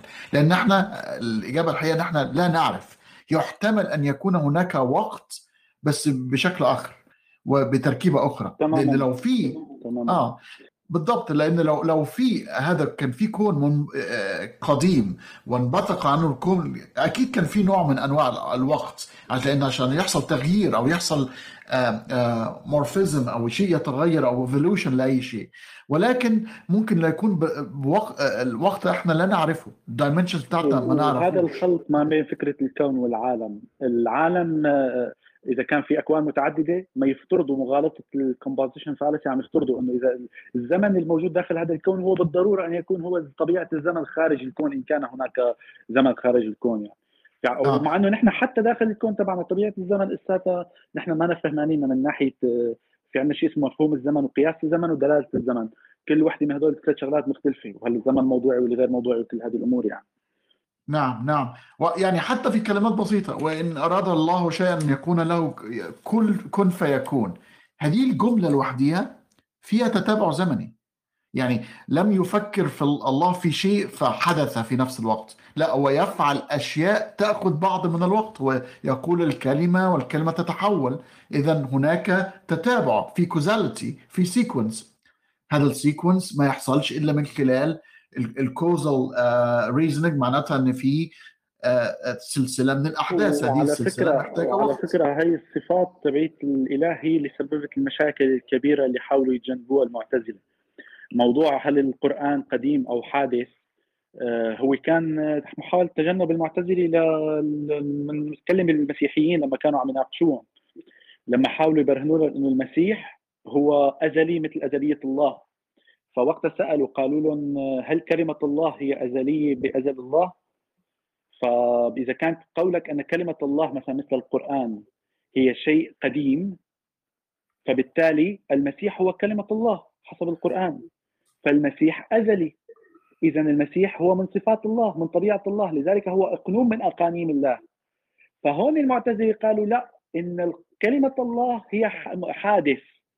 وتتضمن كلمة الله المسيح والقرآن وغيره. ولذلك أنا امبارح لما كنت عم أحكي قلت المتكلمة إجوا للرد. هي أساسا ما كانت لا بالقرن الأول ولا الثاني ولا الثالث. لذلك السلفيين والتيميين بيعتبروا هذا الشيء بدعة. وكل بدعة ضلالة وكل ضلال في النار. وفي صحح للدكتور أحمد هلأ إذا أنا مخطئ. و... ف... و... والنقطة والنقطة دكتور حسن إن لو كان هذا الثابت الغير متحرك الدائم من أحد صفاته أشياء نسبية ومنبثقة وتحتاج إلى الوقت اذا هو نفسه لا يمكن أن يكون. لذلك ما يتخلله هذا اللي أنا حكيته بالإرادة ما يتخلله حادث فهو حادث. طيب أستاذ ثروت ليك أي مداخلة ثانية؟ لا أنا بتبنى هاي وجهة النظر يعني ما عندي مشكلة وما نعرف ماهيه الزمن قبل وجود كوننا الحالي بس عندي مشكلة إنه نبني ونعمل قواعد منطقية بناء على عدم هالمعرفة. هو المشكلة كبيرة. مثلا لما ننفي التسلسل وننفي الدور نحن عم نفترض ضمن إنه الزمن خطي مثل زمننا هلأ. ما إذا كان زمن دائري فالتسلسل والدور جائزين ونص. فمشكلتي بالبناء على عدم المعرفه اللي هو الاحتكام للجهل اللي موجود أغلب أو كل الحجج الكلامية. أه بس شكرا لكم. شكرا لك على فكرة أنا تأكدت يا جماعة الفيديو اللي محطوط في أعلى وهو الفيديو الأساسي اللي إحنا قمنا به أنا والدكتور ريتشارد كارير على ال commentary أو إن إحنا نتكلم عن هذا الفيديو هو تستطيعوا أن في ترجمة باللغة العربية. تقدروا تتفاعلوا الترجمة باللغة العربية. الفيديو ده مهم جدا يا جماعة لأن في فيزيائيين و mathematicians ورياضيين عالميين يتكلموا على حجة الكلام لإثبات وجود إله بتاعت الغزالي الأصلية وأخذها ويليام لين كريج ال evangelist وحولها بشكل محترف إلى إلى صيغة كده يعني إن لا, لا يمكن أن تخرجوا منها. أتمنى أن أنتم تشوفوا الفيديو مش طويل ساعة بالضبط من الزمان ولكن في كمية وفي index يعني تقدروا تختاروا لو عايز تشوف ال infinity موجودة ال causality ال Hilbert hotel الأوتيل بتاع هيلبرت وال Cantor infinity كل هذه الأشياء موجودة داخل هذا الفيديو. طيب الأستاذ أحمد السيد. تفضل. تحياتي أستاذ هاني وتحياتي للدكتور حسن. بقالنا كتير والله دكتور حسن. أنا الساعة 6 الفجر عندي ومحتاج أمشي بسرعة. بس لما لقيتك أنت فوقتني. يعني أنا والله كنت نص عين كده أنت صحيتني من من النوم يعني. دكتور أحمد بس بدي إياك شغله قبل ما تدخل حديثك ليش؟ آه. أنا تجربتي مع التيميين حضرتك تيمي إذا صح؟ ممتاز. صح. تجربتي مع التيميين إن بيعملوا أنا وابن أنا وأخي على ابن عمي وأنا ابن عمي على الغريب. يعني التيمي الذي لا يؤمن لا بالأعراض ولا بالحدوث إذا كان عم يناقش الأديني بيناقشوا فيها وبيحرج حاله. أنا بعرفك إنك إنسان صادق. فيا ريت تعطيني رأيك كمسلم بدليل الحدوث والأعراض وأنا ما رح أناقش. تفضل.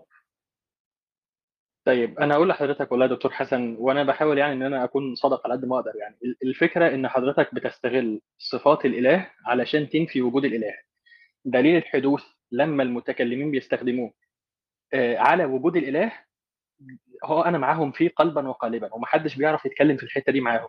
المشكلة لما هم بياخدوا الدليل ده ويطبقوه على صفات الإله. هم بيغلطوا وأنتوا بتقوموا ماسكين في حتة الغلط بتاعهم في صفات الإله ده وتقوموا قايلين بصوا طالما أنتوا مش كونسيستنت في موضوع صفات الإله اذا الإله نفسه مش موجود.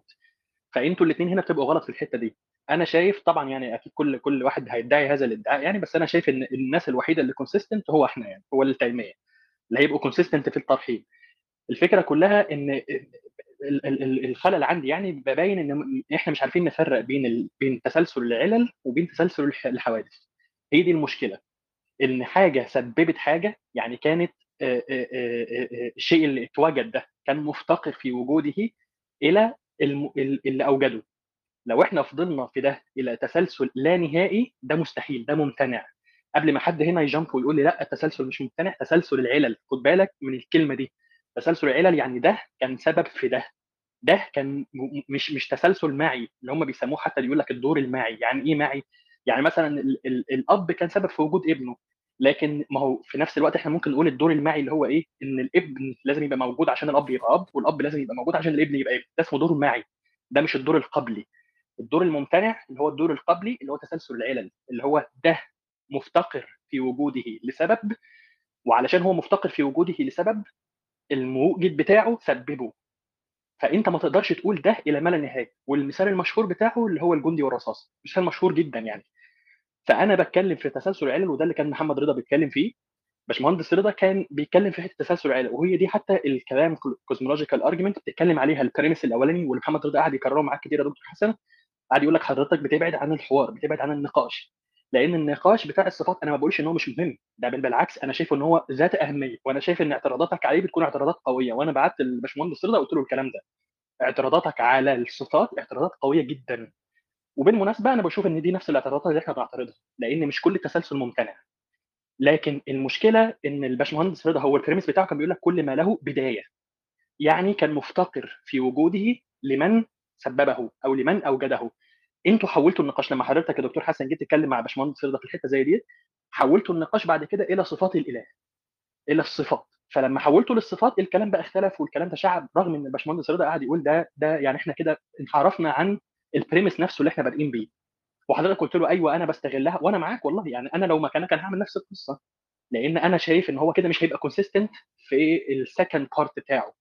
فطالما أنت مش هتبقى consistent خلاص يبقى أنا هدمر الفكرة كلها. لكن أنا شايف إن اللي حضرتك بتعمله ده قبض. بس يا أستاذ أحمد إحنا إحنا كمان لم نتفق على أن كل ما كل له بداية كان له سبب. إحنا لم نتفق في هذه هو. الدكتور أحمد بظن هو بيحكي بقدم العالم لذلك أنا ما رحت اخلص يعني. صح يا احمد آه. تفضل دكتور أحمد، تفضل هو بيحكي آه، آه هو- قدم العالم يعني. لا، أنا قصدي لا. أنا بقول يعني بقول حتى حتى في ال premise ده هو مرفوض. آه ال premise ده نفسه مرفوض. طيب دكتور أحمد أنا بسالك سؤال. ال consistency أو الاتساق هي شرط من شروط البناء المنطقي ولا لا؟ طبعا. حلو كثير ممتاز. عفوا. آه طيب, طيب سؤالي الثاني هل أنا ممكن أعمل تخريجه ل آه، منطقي بشيء مختلف عنه.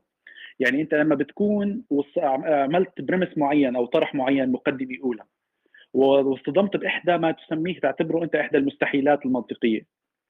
فأنت استخدمت شيء خارج ما له علاقة بالكلام ولا ينطبق عليه السياق المنطقي اللي أنت عم تحكي فيه كي تخرج منه. بالعكس أنا بعد التخريج اللي أنتم عم تعملوها بانكم عم تستخدموا هذا الإله اللي هو خارج النطاق السياق المنطقي اللي عم تحكي عنه لحتى تنفذ موضوع الحوادث هو عدم اتساق. يعني هو عبارة عن هروب من شيء أنتم اكتشفتوا ضعفه أنتم اكتشفتوا انه كلام المتكلم مش فيه مش مش. دقيق. يا دكتور حسن ده مش دقيق. أنا أعطيك اعطيك مثال قصدي أعطيك قصدي لكن أنت قلت لي أنت أنت أنا أنا فاهم بس مش ده مش ده مثلا اللي محمد رضا عمله. محمد رضا لما هذا اللي انت حكيته. انت هذا اللي حكيته. شو حكيت؟ انت شو حكيت؟ لا حكيت أنا أنا فرقت طب أنا اتفضل. فرقت فرقت فرقت بين الوجود وفرقت بين صفة من صفات الإله. بعرف لو أنا بتكلم. على صفات الإله ولا بعرف أنا فرقت. أنا اناش محتاج أعرف صفات صحيح. أعرف هو موجود ولا لأ. أنت اعتمدت على صفات الشغلات الحادثة كي توقعنا في إشكالية لابد من وجود إله. وحتى تحل هاي الإشكالية حطيت حل هو الإله الذي له صفات. لما أنا ناقشتك بهاي الصفات لحتى ابين لك إنه لا تستطيع تستخدمها قلت لي لا لا تناقشني بالصفات. أنت هيك عم تعمل. فهمت علي؟ اعد لك النقطة. أنت استغليت صفات الأشياء اللي بتسميها حوادث كي تبني بناء منطقي يلزمنا بضرورة وجود واجب وجود. وهذا الواجب الوجود استخدمته من أجل الخروج من هذه الإشكالية بصفات محددة. لما سألتك عنها قلت لي لا لو سمحت لا تناقشني فيها. هذا الشيء ما عاد اتساق. وضحت الفكرة وين؟ أنت لما بدك تحط حل لازم يكون wrapped up لازم يكون sealed well sealed لازم يكون مختوم كامل. أنا بأي نقطة بناقشك فيها بكون أنت قادر تجاوبني عليها. صح؟ يا أما ما بيكون صح كامل. ماشي. ممتاز. أنا سألتك هذا السؤال. هل أنت المقدمه تبعيتك؟ تنطبق. أنا قادر طبقت على هذا الإله. أنت قادر تطلع من الإشكالية؟ إيه ولا لا. أنت قلت لي لا تناقشني بالاله لأنك أنت رح تعلق بهي الإشكالية.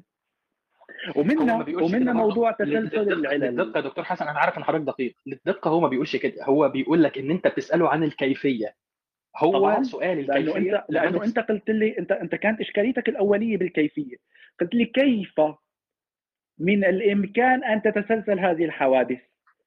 فقطعت أنت بهذاك الشغلة فأنا ده- سألتك قلت لك كيف. انقطع هذا الشيء؟ حلو. ده اعتراض وجيه منك. أنا هكون منصف وأقول لك ده اعتراض وجيه منك. شكراً لأن لك. هو بنى بنى كلامه على الكيفية. تماما. لهيك ال consistency أنا كثير مهم بالنسبة. لي أنت ما دام. تكتب حل هذا الحل بدك تكون قادر تجاوب عليه كل شيء. أنا ما أسألك إياه. وبيكون أنا أنا طبعا بسمح أنا ببعض ال- طبعا نحن نعرف كل بناء منطقي إلا ما يكون فيه مغالطات أو خلل بسيط. ولكن إذا كان البناء المنطقي كله قائم على مغالطة سقط البناء المنطقي. أنا واجبي بين لك مو أنت مسايت معي بنقاش منطقي؟ premises ال argument تمام؟ شو البناء المنطقي؟ البناء المنطقي هو هو عبارة عن بناء. هذا البناء له قاعدة base هي ال logic فأي شيء لازم يكون ضمن بناء منطقي لازم يكون logical منطقي. بعدين عنده شغلات اللي هي ال premise وال premise بت أنت بتعمل عليها عملية الربط المنطقي لحتى توصل لل conclusion وحتى الآن حتى لو وصلت لل conclusion بتكون عملت شيء اسمه الإمكان العقلي. هسه لأنه ليش؟ لأنه البناء المنطقي لحتى يكتمل ويصير مثبت هو مكون من ال argument اللي انت قدمته ال logical argument وبعدين عندك ال claims اللي انت عملتها الادعاءات وعندك ال reasons الأسباب وال reasons لازم تكون مدعومة بأدلة evidence بس هذا شيء ثاني هذا مرحلة لسه كثير لحتى نوصل طب يا دكتور حسن لو الكلام عن... يا جماعة أنا أنا مش حابب أنا مش حابب أتشعب أنا مش الحقيقة مش حابب أتشعب في أماكن كثيرة وعايز طيب. مش عايز عايز خليني بس في ال... في الإطار الأساسي للحجة. لأن لو دخلنا بقى في أماكن أخرى مفهوم كثيرة هنتشعب مفهوم أنا شطر الأستاذ أحمد. آه الأستاذ أحمد لك لو الحجة آه. آه. لو الحجة لو أنت بتستخدم الحجة علشان تثبت الوجود اللي هو كل ما له بداية آه دي هم هم هم يكسبوك فيه طيب. من أي ناحية أنا ما شفت حدا كسب. هلا ناقشنا أحمد ما شفت حدا بين لي دليل على شيء. لا بس ثانية واحدة هو يقول لك يثبت الوجود الوجود آه. الوجود self evident الوجود يعني مش مش مش مش الكيفية. self evidently true لا لا الوجود الوجود انت بت... طب سؤال هلا نحن عم نتناقش إذا الوجود موجود؟ لا. يعني إيه الوجود موجود؟ انت شو أثبت الوجود؟ وجود شيء شو؟ وجود شو؟ وجود الإله قصدي يعني. يعني الحجة دي اللي لا لا أنت ما فيك انت أنت ما أثبت وجود الإله ابدا. ابدا. ليش؟ لأنه أنت إذا أثبتت وجود شيء وثم أنا استخدمت حجة إثبات وجوده لبين لك إنه وجوده غير ممكن فأنت فقط وجوده. ما هذا اللي ما أنا بقول لحضرتك. في يعني تعديل يعني ممكن يتعمل دكتور أحمد دكتور أحمد بس أنت ما نفيتش الوجود. لا لا لا. طيب طبعا دكتور حسن انت التليفون على ما ليك دكتور أحمد. أنا راح آخذ التليفون بس راح أخبرك شغلة. ليك أنت لما بتثبت وجود الإله في حجة معينة وبتقول لي ها أنا وصلت له. فانا قلت لك اول بالك خلينا نشوف كم ينطبق عليه الحجه طبقت لك إياها فسقط وجوده. الشغلة مو إنك توصل للشيء. أنت انت أنت فيك توصل اللي بدك اياه ولكن إذا ناقشتك فيه لازم يكون مثبت. أنا راح آخذ تليفون وأرجع لك كثير مضطر آخذه. تمام تمام طيب. اتفضل. هي الفكرة كلها تاني يا دكتور حسن واستاذ ثاني؟ ثواني بس يا أستاذ سامر الفكرة كلها تاني لو إحنا بنقول إن الشيء مفتقر في وجوده لسبب لو هو ما كانش ما يقدرش يتوجد لوحده هو مش أزلي هو مش مش قائم بنفسه مش موجود على طول هو احتاج لحاجة توجده. هو افتقر كلمة الافتقار وهي دي السببية بالمناسبة وعلشان كده إحنا بنقول على السببية دي إحنا بنقول عليها استنباطية لأن هو افتقار. افتقار معنى شيل كلمة السببية دي خالص اللي هي مزعله الناس دي كلها شيلها وعوض عنها بالبديل بتاعها اللي هو مفتقر. ينفع إن الشيء يبقى مفتقر ومش مفتقر في نفس الوقت؟ لا ما ينفعش. فطالما إحنا بنقول الشيء مفتقر مفتقر معناها إن هو ما كانش على طول موجود. ده ضد الأزلي الأزلي اللي هو قائم بنفسه مش محتاج لغيره عشان يوجده. آه بس بس المشكلة يا أستاذ أحمد آه أنا طبعا عايز أرحب بالدكتور تخنين أهلا يا دكتور تخنين هو معانا دلوقتي في البانل آه شكرا أستاذ هاني تحياتي لكم جميعا. أنا مستمع طبعا آه والموضوع شيق للغايه ويعني أرى الآراء المختلفة بس الدكتور أحمد موجود الدكتور حسن وبقية الإخوان يعني سامر وغيرهم. تفضل. تفضل وهو بصراحة شكرا وبصراحه أول حاجة يعني يجب الخوض فيها بتحديد. انك أنت تتحدث في موضوع في العالم الموضوع يعني في العالم الخارجي نسميه العالم الموضوع أو في داخل الذهن أي بنسميه في الوجود الذاتي يعني في وجود موضوعي وفي وجود ذاتي الوجود الموضوعي معناها موضوع الفيزياء ومعروف يعني إلى أي حد تستطيع الفيزياء ان تصل يعني وبالتالي تقدم معلومات ممكن تكون بتجارب فيزيائية أو حتى بامتدادها عن طريق معادلات رياضية. القضية أنه استخدام المعطى من يعني المعروف المعرفة العلمية في العالم الفيزيائي تخول أيضا بناء نمط أو خلينا نقول نسق رياضي يستطيع التنبؤ بأشياء لا نستطيع تجريبها وبالتالي تبقى يعني في دائرة الإمكان ولكن لا يمكن التدليل عليها بشكل واضح وصريح هذا مفروغ منه أعتقد لكن مرات بصير إنك أنت بتناقش موضوع عقلي، الموضوع العقلي عادة كل النقاشات تحدث على أساس فلسفة أرسطو. وفلسفة أرسطو لها جانب محدد واضح إنها تعتمد على الصورة ولا تعتمد على مادة الصورة. أي إنك أنت ممكن تشكل صور ذهنية بتعريفات ده يعني من عندك وتبني نسق معين يكون صحيح منطقيا لأنه مبني على أساس القواعد المنطقية الأرسطية التي تهتم بالصورة ولا تهتم بماده الصورة. لكن صحيح في معارض ذلك يعني لأنه واضح إنه إذا أنت اخترت نمط معين يعني أو نسق معين أو مسلمة معينة أنت لا تستطيع الخروج من الأشياء التي تتبع على هذه على أساس هذا المسلم. لكن ممكن تسقط المسلمه نفسها وبالتالي تسقط كل ما ينشأ عنها أثناء عملية البناء المنطقي يعني بشبه دائما بقول إنه ممكن تخرج ترسم مثلث خارج المنزل انت صديق بالتالي بيكون في ثلاث أضلاع وثلاث زوايا مجموع الزوايا 180 وهكذا. وانت لا يمكن لك أن تحاجج في النتائج المترتبة على رسم المثلث على سطح مستوي. لكن إذا رسمت المثلث على الكرة الأرضية سوف تحاجج. بذلك لأنك تكون مجموع صحيح تبقى يعني عدد الأضلاع ومجموع الزوايا يختلف. وبالتالي يصبح في هناك اختلافات في النتائج المترتبة على يعني الإخلال أو اختيار مسلمة أخرى يعني. من هذا المنطلق إحنا بنعتقد إنه المنطق الارسطي في شيء اسمه القياس يعني عادة بتغافل عنه الناس إنك أنت بتحاول تقيس مفاهيم كلية على أساس أمور جزئية تبدأ بشكل يعني فردي حتى وبجواهر فردية وأعراض موجودة في العالم الموضوعي. الأدهى من ذلك إنه أنت ممكن تتناسى تلك الأشياء وتبدأ بتعريفها. يعني مثلا دليل الإمكان ودليل الحدوث الذي يستخدم واللي هو مشهور عند معظم الزملاء المتدينين هو بيستخدم فكرة الممكن. وكان يستخدم فكرة التقسيم العقلي يعني اللي هو الممكن والمستحيل والواجب وبعد ذلك أشاروا للمستحيل وأبقوا على الأقل بالممكن لأنه عمليا كل الاستدلالات اللي قدموها الفلاسفة على مر العصور هي تؤول في نهاية المطاف إلى الدليل الأنطولوجي والدليل الأنطولوجي هو عبارة عن إكمال النقص يعني باختصار شديد للغاية إكمال النقص بمعنى ملاحظة إنه الأشياء الوجودية تريد فيها خاصية لا يمكن أن تتحقق باستمرارية في الزمان أي بمعنى أن تكون سرمدية. وإكمال النقص ممكن يكون حتى في الصفات والأفعال وما إلى ذلك. فمن هذا المنطلق من ناحية عقلية تستطيع أنت عمليا اضافه يعني إذا واحد قصير يكون عندك طويل، إذا واحد جاهل يكون عندك عالم، إذا واحد عندك ظالم يكون عادل. طبعا تأخذ هذه القيم في المنتهى. لماذا تحتاج إلى ذلك؟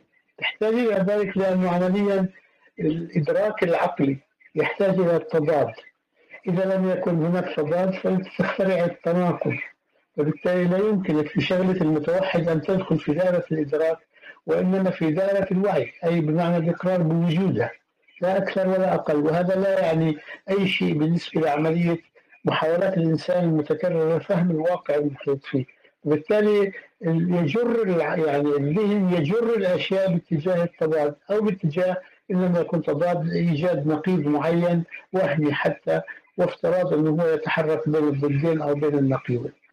من هذا المنطلق أنا بعتقد إنه ملاحظه الأحادية في العالم الموضوعي يعني واضحه للغايه وحتى يمكن أنا أتهم بشكل مباشر كل الإخوة الدينيين هم ثنائيين.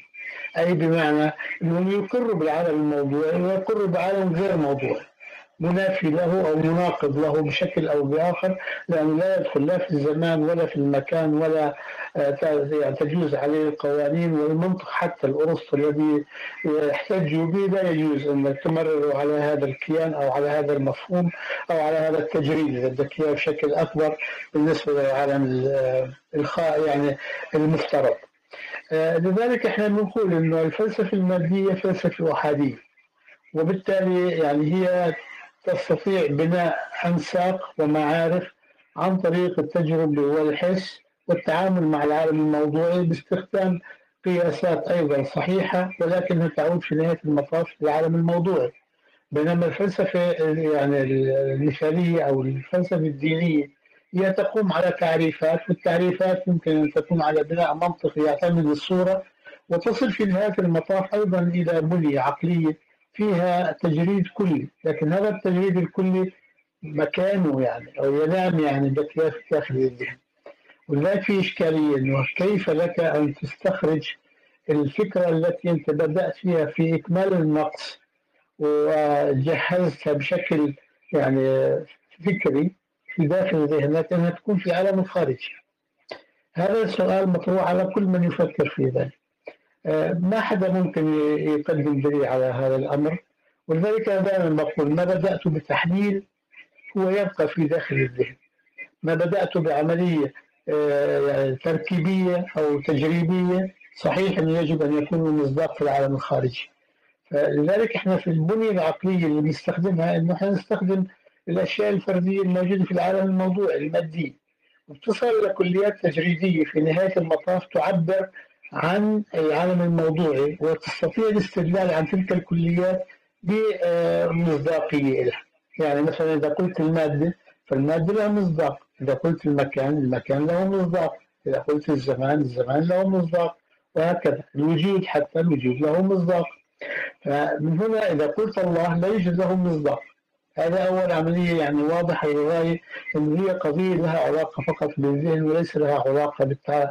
يعني بالتموضع الخارجي لأنه لا يمكن أن يكون هناك ممثل لله موجود بشكل فردي أو كجوهر تستطيع البدء منه حتى تصل إلى كلية تجريبية.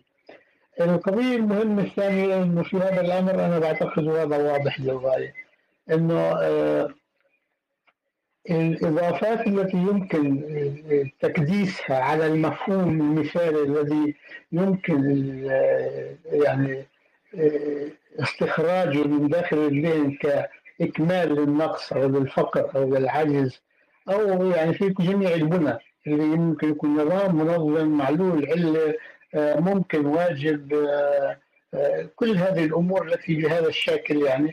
وعملية الإسناد اللي بتتم للطرف يعني الكلي هي تصطدم في نهايه المطاف مع أيضا نفس القوانين المنطقية اللي ابتكرتها.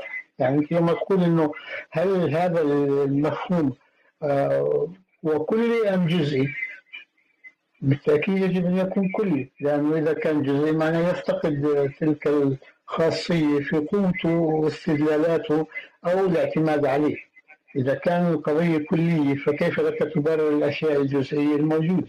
أو لو تسمح آه، لو تسمح دكتور تخيل والله عشان فلذلك مضطر أخرج لأن آه تفضل إذا سمحوا لك الإخوان أنا ما بعرف تفضل. بس يا أحمد بس اعمل بس تنويه على السريع جدا يا جماعة. أنا أنا حقفل الغرفة في خلال 15 دقيقة فهناخد مداخلة أحمد وناخد مداخلة عبد الرحمن وناخد مداخلات أخيرة من كل الناس وبعد كده نقفل على كده. اتفضل يا أستاذ أحمد. طيب أنا سريعا بس أنا فعلا محتاج أمشي دلوقتي وقت الفجر عندي يعني فأنا فاضي لي دقيقة بالظبط كده وأحاول أقول فيها اللي أنا عاوزه للدكتور تخليل لأن أنا تقريبا قلت اللي أنا عاوزه لحضرتك يا أستاذ هاني وممكن نكمل في غرف ثانية وكذلك دكتور حسن اللي بيتقابل في غرف ثانية. بالنسبة لطرحك يا دكتور تخنين واللي أنا سمعته كثيرا آه، وإن كان هو قوي مش مش كانش ريليتد قوي لل- للي إحنا بنتكلم فيه النهارده يعني بس الطرح بتاع حضرتك أنا شايف إن حضرتك بتقول آه طب كل حاجة يكون ليها مصداق في ال- في الخارج طب ما إحنا بنرجع بعد كده نسألك أو ده ده سؤال نفسي أسأله لك طب ما أصل حضرتك برضو بتقول بقدم المادة يعني حضرتك بتقول بأزلية المادة يعني حضرتك برضو بتثبت بتثبت الأزلية لشيء تاني. فهي الفكرة كلها يعني أنت بتعترض عليا بنفس أو تعترض على المؤمنين بنفس الاعتراض اللي أنت نفسك واقع فيه. بمعنى إيه؟ حضرتك بتقول أصل ال- ال- ال- ال- المادة ليها مصداق في الخارج. طب أنا بقول لحضرتك المصداق ده نفسه أزلي ولا المصداق حادث؟ بتقول إن المصداق حادث. طب أمال إيه اللي أزلي في المادة؟ اللي أزلي في المادة الصورة. اللي هي في نفس الوقت ممكن يعني لو إحنا قعدنا نبحث فيها نلاقيها برضو ممكن ممكن عقلا. مجرد إن هي بت- بت- بت- ماشيه في حيز الإمكان العقلي. ماشي انك ما فهمتني أنا بحكي عن قضية تحليليه في داخل الذهن وأنت قفزت للعالم الخارجي. اولا إذا كنا نحكي عن أنت تحكي عن تجريد المادة ولا بتحكي عن المادة آه، كجوهر فردي. حاول تقول لي ما هو الذي تتحدث عنه. إذا كنت تتحدث عن لو جوهر بنتكلم فردي عن لو بنتكلم عن المادة اللي في الخارج. إذا كنت تتحدث عن الجوهر الفردي للمادة أو ما يمثلها بالخارج حديد أو نحاس أو خشب أو الذكياء فهذه قضية فيزيائية. فأنت لا تحاججني بقضايا منطقية على أساس قضايا فيزيائية. أما إذا كنت تريد ت- تحاججني في قضايا منطقية بدأناها تحليلية يعني فتفضل أن حاججني في هناك كلية تجريبية اسمها المادة. والمادة لا يمكن أن يكون حتى الوجود لا يمكن أن يتضايف مع العدم باختصار شديد. والمكان لا يمكن أن يتضايف معه العدم. والمادة لا يمكن أن يتضايق مع العدم أي بمعنى هذا ممكن ممكن صح. جميل دكتور. جميل يا دكتور. خليني أكمل لك النقطة. ما دام لا يتضايق العدم مع كل هذه الأشياء فهي دائما ملتصق مع بعضها البعض وموجودة حتى فكريا أنا بحكي الآن ما زلت يعني. وبالتالي أزلية الوجود وأزلية المكان لا يعني لا جدال في ذلك. ما دام العدم لا يتضايق معها تفضل. جميل جميل. جميل جميل دكتور تحليل بس ما يبقاش على حضرتك أنا ولما نبدا أي نبدا بس حضرتك هتسكت الصدر آه. على عندي مصداق أنا عندي مصداق للمادة بس أنت ما عندك مصداق لله. هي الفرق بقول لك أنت ممكن تبني انت ممكن تبني فكرة في داخل اسمعني شوي. انت ممكن تبني فكرة في داخل ذهنك وأنا ابني فكرة في داخل ذهني. أنا فكرتي تعتمد على ان أصلا بديت من عالم الموضوع من اشياء مادية ومن جواهر. انت لم تبدأ إلا من تعريف. فبالتالي انت ما تنتج يبقى داخل تعريفك يعني داخل ذهنك. ما تستطيع استخراجه للعالم الخارجي ولا تستطيع اثبات ذلك. أنا أستطيع ذلك. وهنا الفرق انه أنا استطيع ان اثبت ان الماده لانها يعني ازليه لأن الوجود يعني العدم لا يتضايق معها انت تريد ان تقول ان العدم لا أنا مش يتضايق عارف معها اتكلم بتاع حضرتك تفضل.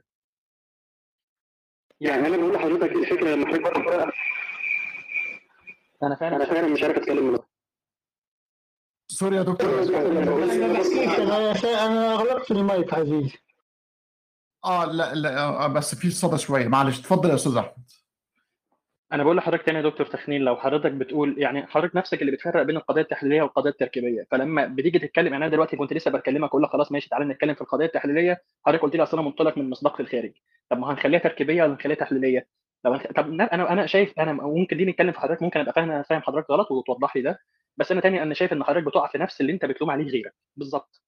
يا أستاذ أحمد خليني أفك الاشتباك خليني أفك الاشتباك في الابستمولوجي محتاج أخرج والله بس آه. هرجع اسمع أسمع أنا بس أنا أنا بس خليني أفك الاشتباك في جمله جملتين بساط بساط جدا بكل بكل سهولة. في الابستمولوجي عندك نوعين من آه، واحد أعلى من الثاني دائما. ال- ال- المعرفة الموضوعية للأشياء المتحققة المادية always trump أو تعلو على الاستقراء الذهني أو التفكير الذهني. فإن تكون عندك فكرة متحققة في الذهن بدون أي إثبات خارجي في العالم الخارجي. لأن في ضرورات عقلية إحنا الاثنين في أي ايا كان البريمس اللي أنت منطلق منه ايا كان المنطلق الضرورات العقلية بتحكمك غصب وتحكمني وتحكمك. ما أنا هقول لك بقى ما هنا ما لو تفرق لا لا آه آه أتمنى عليك تقرأ في آه أتمنى عليك في تقرأ لديفيد هيوم وتعرف أن الضرورات العقلية مش ابريوري مش معروفة مسبقة وخارجه على الإنسان ولكنها نتجت من التجارب. لا خالص ما نتجتش. ده آه هي أصل المعرفة ده هي المعرفة ذاتها. أنا عارف لا لا من ال... مختلف ده هي المعرفة لا. لا, لا, لا, لا, لا مش هي أصل المعرفة.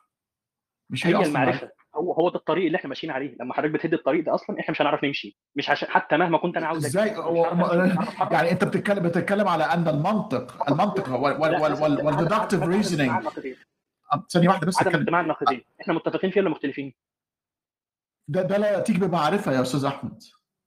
ده ده ده حاجة ده ده ديفيد ديفيد هيوم ديفيد هيوم عرفه بحاجة اسمها ال definitional relationship يعني علاقة ال married bachelor ده اللي إحنا طالعين بيه السما ويقول إنه مش متحقق ولا يمكن أن يكون متحقق إذا هو قانون كوني هو كله متكون من تركيبات قلتش قانون كوني ذهنيه برضه. أنا بقول لحضرتك ضرورة عقلية. واحدة قانون بس. كوني أكمل كلامي يا أستاذ أحمد. أنا لا أتكلم كثيرا ولما أتكلم أتكلم في المحل يعني.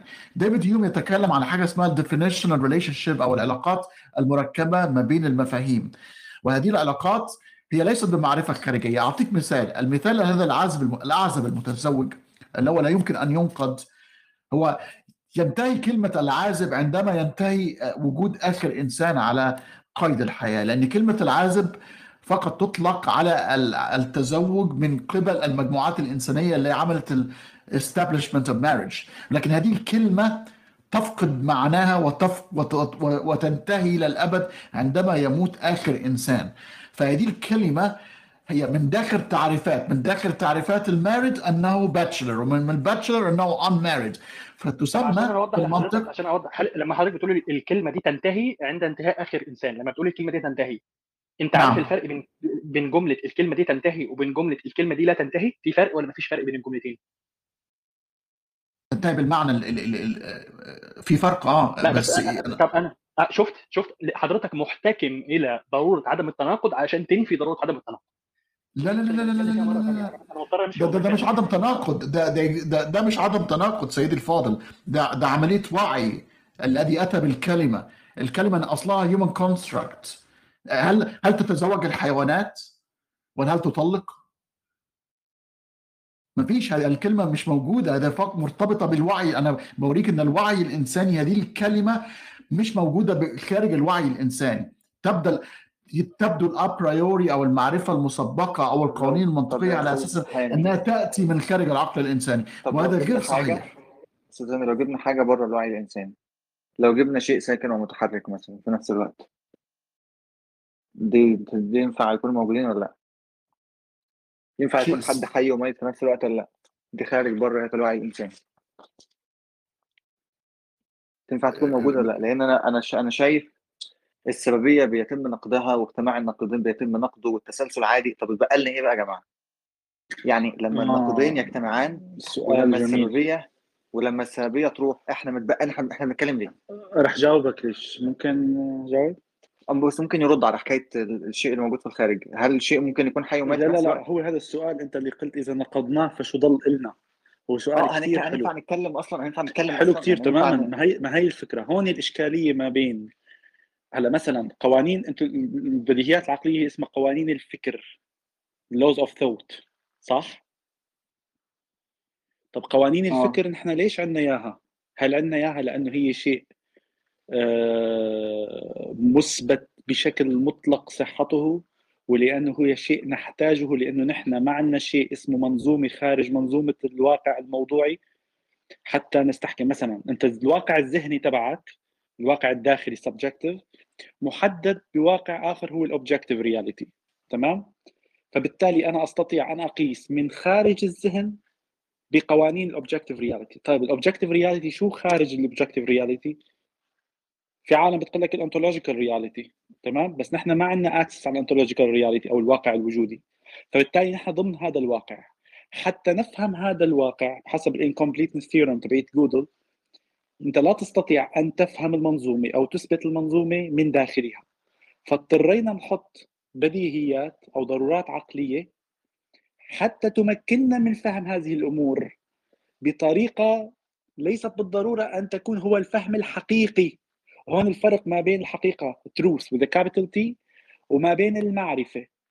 لذلك نحن حطينا بديهيات تعتمد المنطق وقمنا بتأسيس هذا المنطق باستخدامه من أجل فهم العلم بحيث أنه العلم محكوم بالمنطق جملة خارجية ولكن خارج منظومة المنطق نحن ما عندنا منظومة. فكوننا نحن استخدمناها حرفيا مثل ما حكيت أنت إذا نحن استغنينا حاليا عن هذا الشيء اعتباطيا فنحن لن نكون قادرين على فهم الموضوع. فلاحظ أنه نحن نحاول فهم الواقع الخارجي حسب إدراكنا. وليس أن نقول ما حقيقة الواقع الخارجي. المنطق والعقل تبعنا حتى الدماغ تطور كي يفهم كي يدرك الواقع وليس كي يكتشف حقيقته. إذا هي قوانين المنطق اللي نحن عندنا إياها نحن مجبرين فيها وهي حسب منطقنا نحن من داخل المنظومة هي self evidently true. لو أنت فعلا قادر تبرهنها ما عاد صار اسمها بديهية. هي شيء خلص نحن أخذينه لأنه مجبرين عليه. هل هي خطأ؟ لا لأنه حتى العلم نحن عندنا axioms علمية بننطلق منها. واللي أنا ذكرتهم قبل الاربع axioms الأساسية الثلاثه اللي لها علاقة بموضوع الك... ال- الواقع المض... ووحده لها علاقة بال instrumentalism فين نحكي عنها؟ فأنت أحيانا بتحط شغلات ليش؟ لأنه أنت مو غرضك تكتشف حقيقة الأمر قدر ما غرضك هو ال survive يعني أنا لازم أفهم الواقع الخارجي. ولكن هل أستطيع أن أقول بالتالي نحن كل نقاشنا بهي المنظومه هو ال objective reality هلا أنت عم تقول طب بلكي في شيء هو بال ontological reality هو شيء مختلف عن هدول الأمور؟ ببساطة نحن ما بنعرفه. بما إنه نحن ما بنعرفه أسف للمقاطعة دكتور حسن بس أنا أنت كنت وأنت في أثناء غيابك إحنا أعطينا وقت الغر... لغلق الغرفة وهو آه. 20 دقيقة. وفات حوالي 10 منهم فأنا مضطر طيب يعني آخر ثانية آه. آخر ثانية فقط. اتفضل بما انه بما إنه نحن ما بنعرفه في احتمالية يكون ما بنعرفه؟ صار الكلام استقراء ناقص. وهي إشكاليتنا معكم. أنتم عم تحطوا استنباط على شغلات احتمال نحن ما بنعرفها وهذا بحد ذاته الخطأ الكبير اللي عم تعملوه ال begging the question يعطيكم العافية. شكرا شكرا. أنا مضطر لازم اخد ال- الشخص الأخير الذي اللي ما اتكلمش وإذا تبقى من الوقت ممكن كل واحد بقى ياخد دقيقة كمان ننهي. طيب أتمنى برضو إنك تجاوب تبقى تجاوب مع بعد عبد الرحمن يا أستاذ هاني. لو إحنا لو النقيضين يجتمعان وحضرتك قلت من شوية في حاجات بتيجي من غير سبب والتسلسل ممكن. أنا ممكن أفهم إحنا طيب. اتبقى لنا إيه نبني عليه؟ يا رضا. آه آه. أنا ليا حلقة يا أستاذ محمد كنت أتكلم عن بالضبط ماذا قال ديفيد هيوم في هذه المنطقة. ديفيد هيوم ان أن هذه المعلومات التي تبدو أنها آتية من الفضاء أو من الخارج وأنها صحيحة بصرف النظر عن وجود الوعي الإنساني أو لا ديفيد هيوم يعني وأنا تكلمت في الحلقة باستفاضة وممكن أبعث لك ال link يعني في أن هذا الأمر غير صحيح وأنها حاجة اسمها definitional relationship إح- إحنا العقل الإنساني اللي بدعها لتسهيل ال navigation في الحياة. صحيح صحيح. بس. وهذا اللي آه لا هي لم تأتي من الخارج وهذا اللي حاولت أشرحه أنا هلا تماما إنه العقل تطور من أجل نفهم to survive وليس لنكتشف حقيقة الشغلات truth with a capital T بالضبط بالضبط. حتى ال induction ديفيد هيوم عنده كبيرة. يعني قال لك أنا إيش الضراني إن الشمس هتشرق؟ إحنا بنقول كل يوم الشمس بتشرق. بس ده induction وشغال في إلى مدى معين لكن لا لا يمكن أن تصل به إلى capital truth يعني لا يمكن أن تأتي في إلى منطقة وتقول أنا متأكد 100% أن الشمس سوف تشرق غدا. نعم. ال- المنهج العلمي بيقول كده المنهج العلمي بيقول كده. أنا مش بتكلم في. العادة هل الشمس تطلع ولا لا.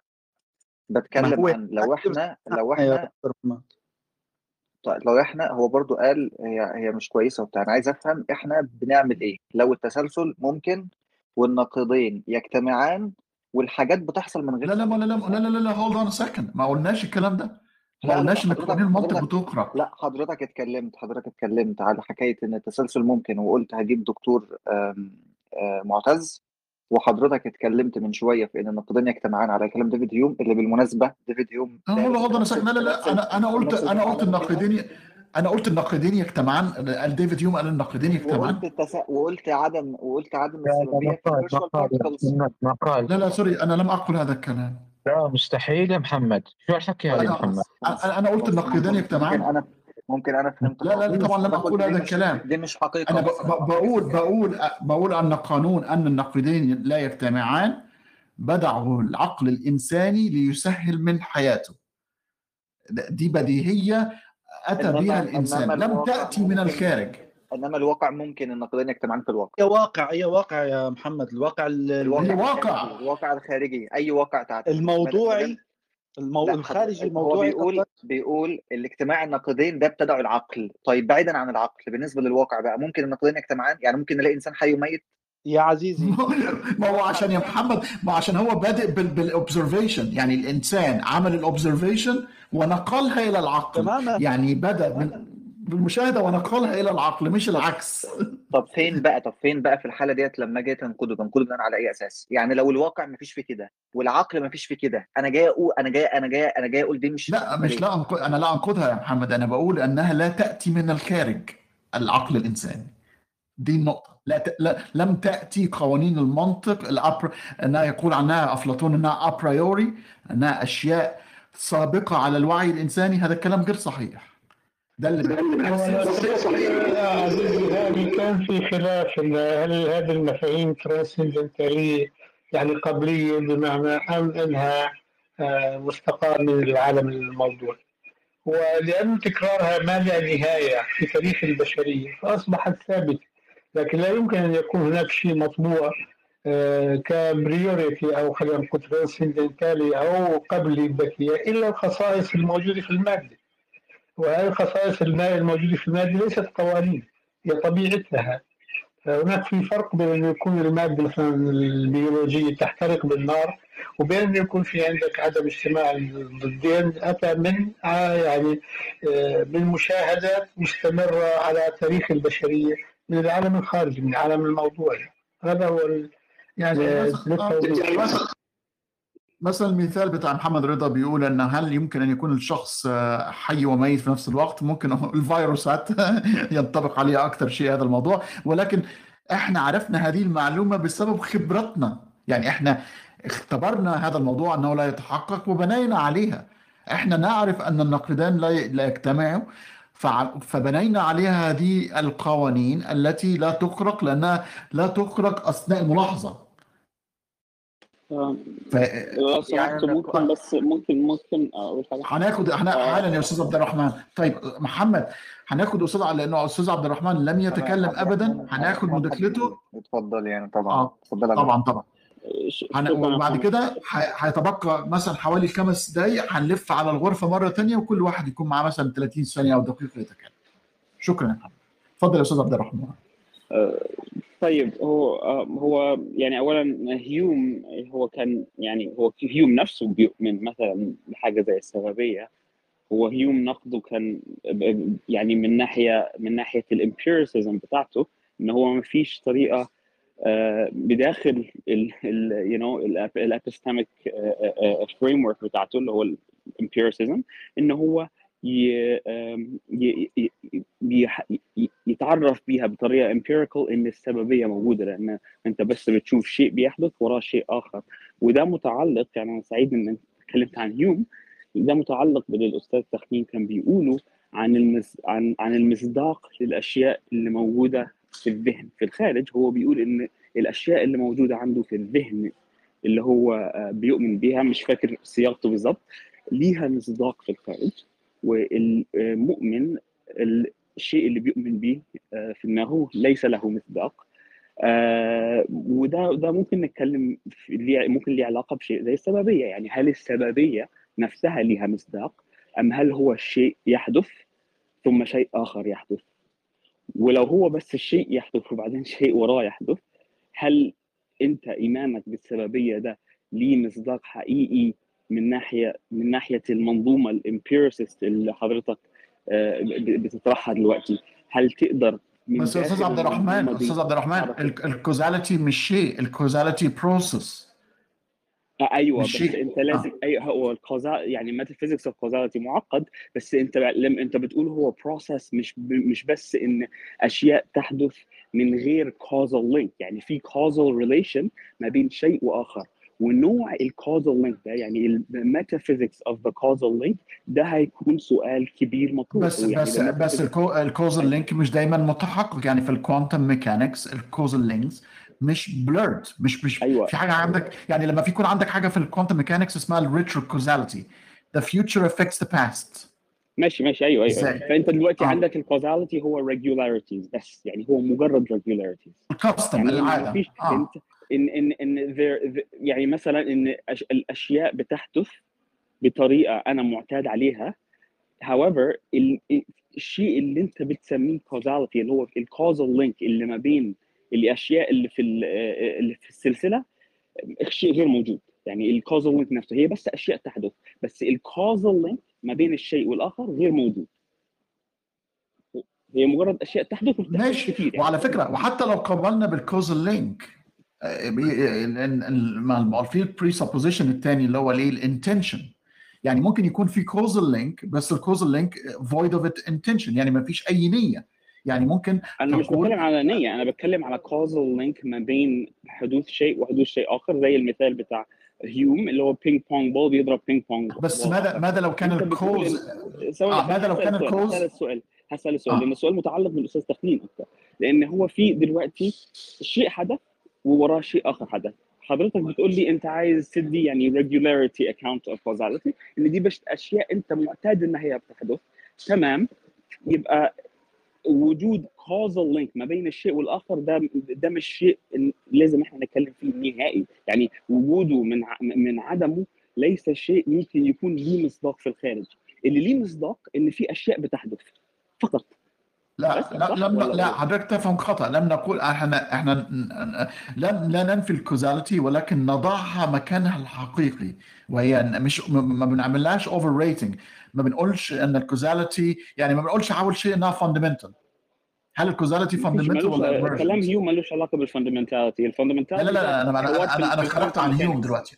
لا أنا ال- خرجت أيوه عن هيوم ال fundamentality مش مهم. ال fundamentality ده ليه علاقة بال يعني انت بتتكلم في astrophysicist و quantum ميكانيكا هيتكلموا في ال fundamentality ما أنا ما أنا فاهم أنا عشان كده بقول لك أنا خرجت من هيوم أنا لم لم, لم اقعد بس أتحدث بس عن إحنا لو هيوم هنخرج عن هيوم مش هن... مش يبقى السؤال يبقى مش هيبقى مطروح على الأستاذ تخمين. لأن الأستاذ تخمين عنده لازم okay طب يكون طب مصداق في الخارج. طب صح؟ أستاذ المصداق السؤال لك مباشر يا أستاذ تخليل لو تسمع. تفضل يا أستاذ عبد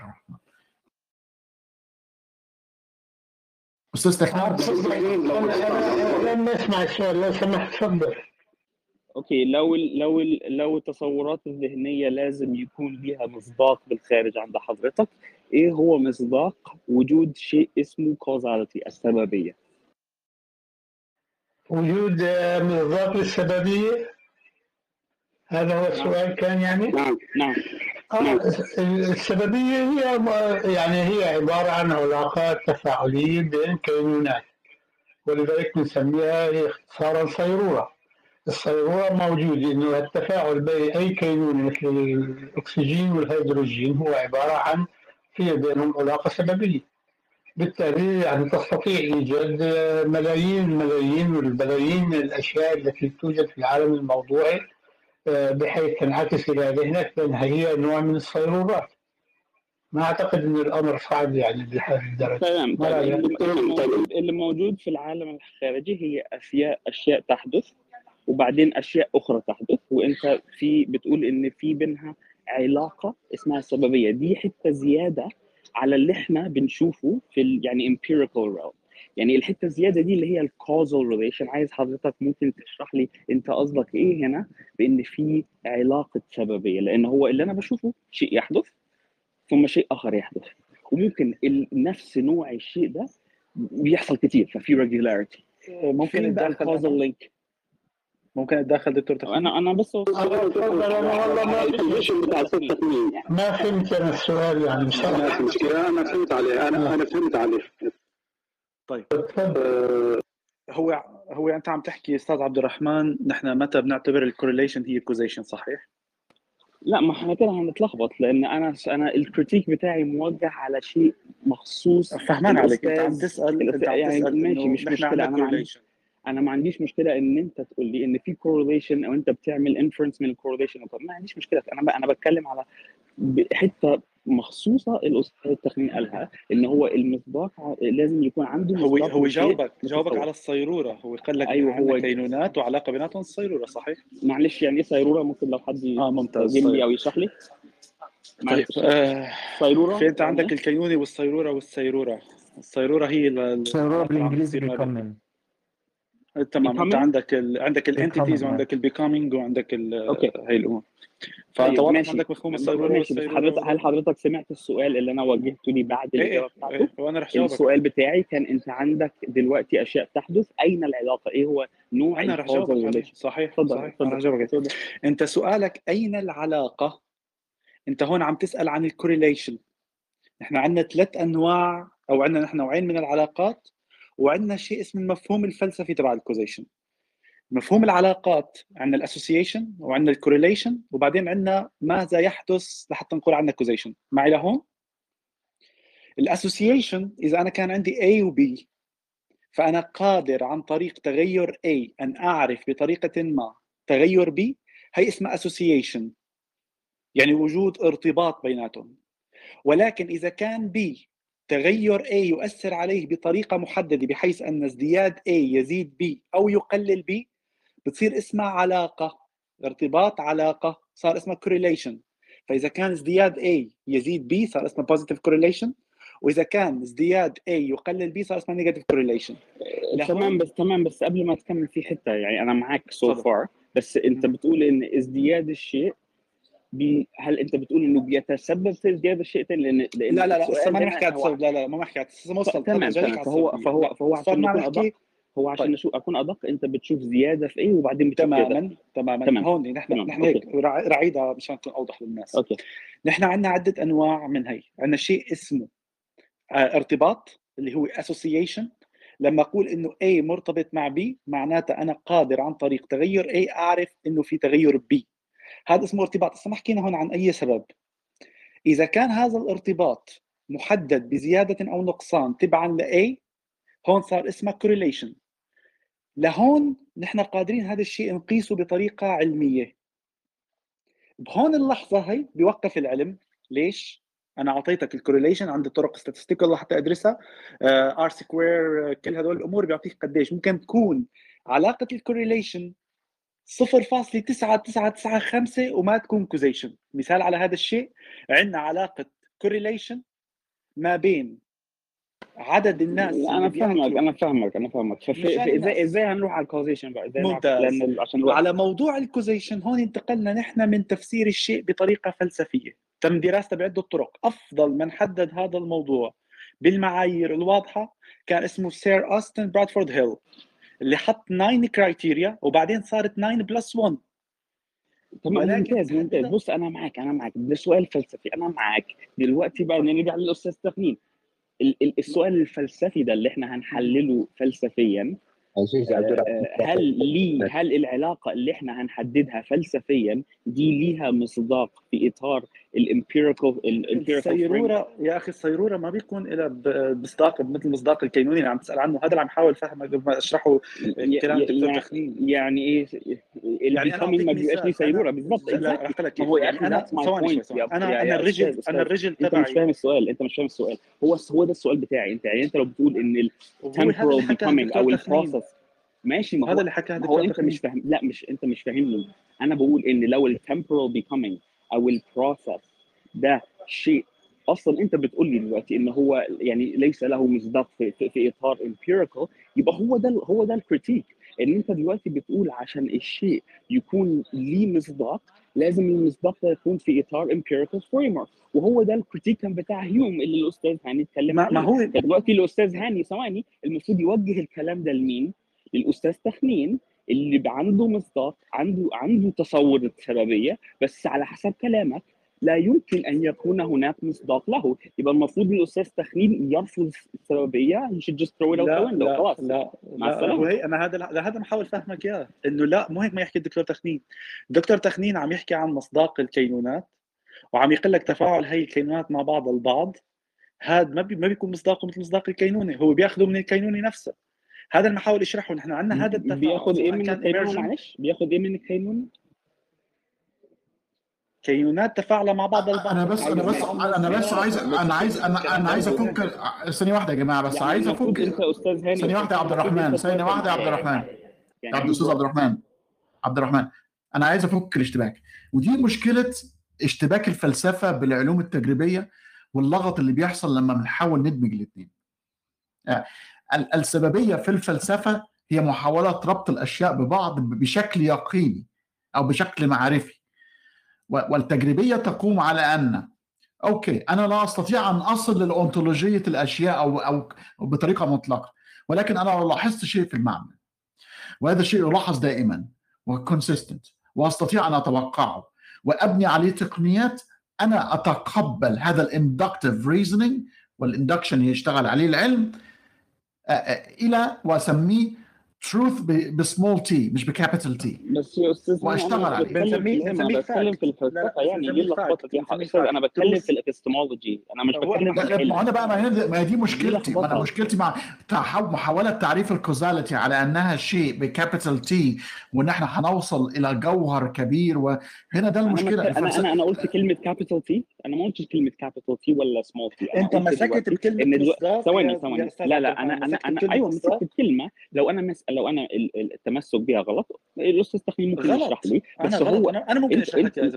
حضرتك حضرتك بتشرح لي اللي أنت بتشرحه أصلا هو الكريتيك بتاعي. يعني أنا مش فاهم أنت بتشرح لي. يعني الأستاذ هاني المفروض يكون هو فاهمني إن هو اللي اتكلم عن هيوم بس شكله كمان هو مش فاهم طرحي. أنا بقول دلوقتي إن الأستاذ تخنين طرح طرح واضح يا أستاذ عبد الرحمن إن في أربع أشخاص مش فاهمين سؤالك.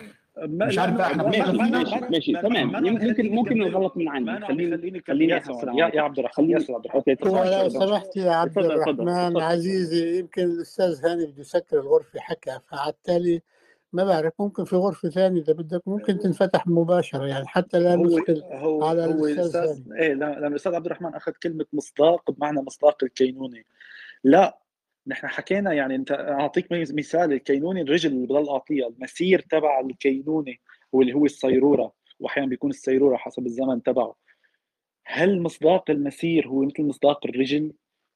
انت عندك تفاعل ما بين اشياء ماشي ماشي فهمتك فهمتك. okay okay ماشي ماشي. يعني آه أنت شكرا. okay أنا ممكن okay يعني بص يعني هو أنت بتقول طرح الأستاذ تخمين هو إن المصداق ده يكون إزاي؟ يعني إن هو ممكن يبقى عنده empirical basis ويعمل من ال empirical basis inference. يعني مش لازم يكون الشيء هو آه نفسه. هو التغير. يعني أنت علميا كيف بتقيس التغير تمام تمام تمام. تمام.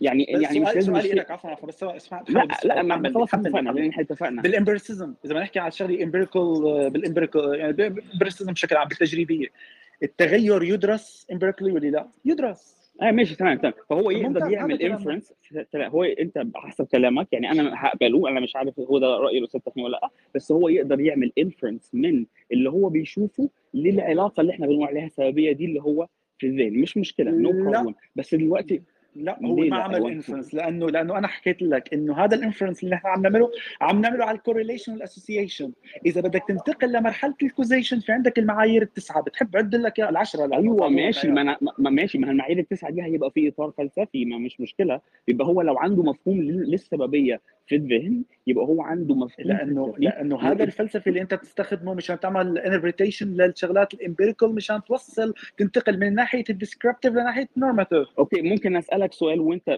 شكل الأستاذ تخمين مش عايز يجاوب ممكن تجاوبني بالنيابة عن الاستاذ تخمين إيه،. هل ممكن أنا أعمل inference من شيء observable ل unobservable؟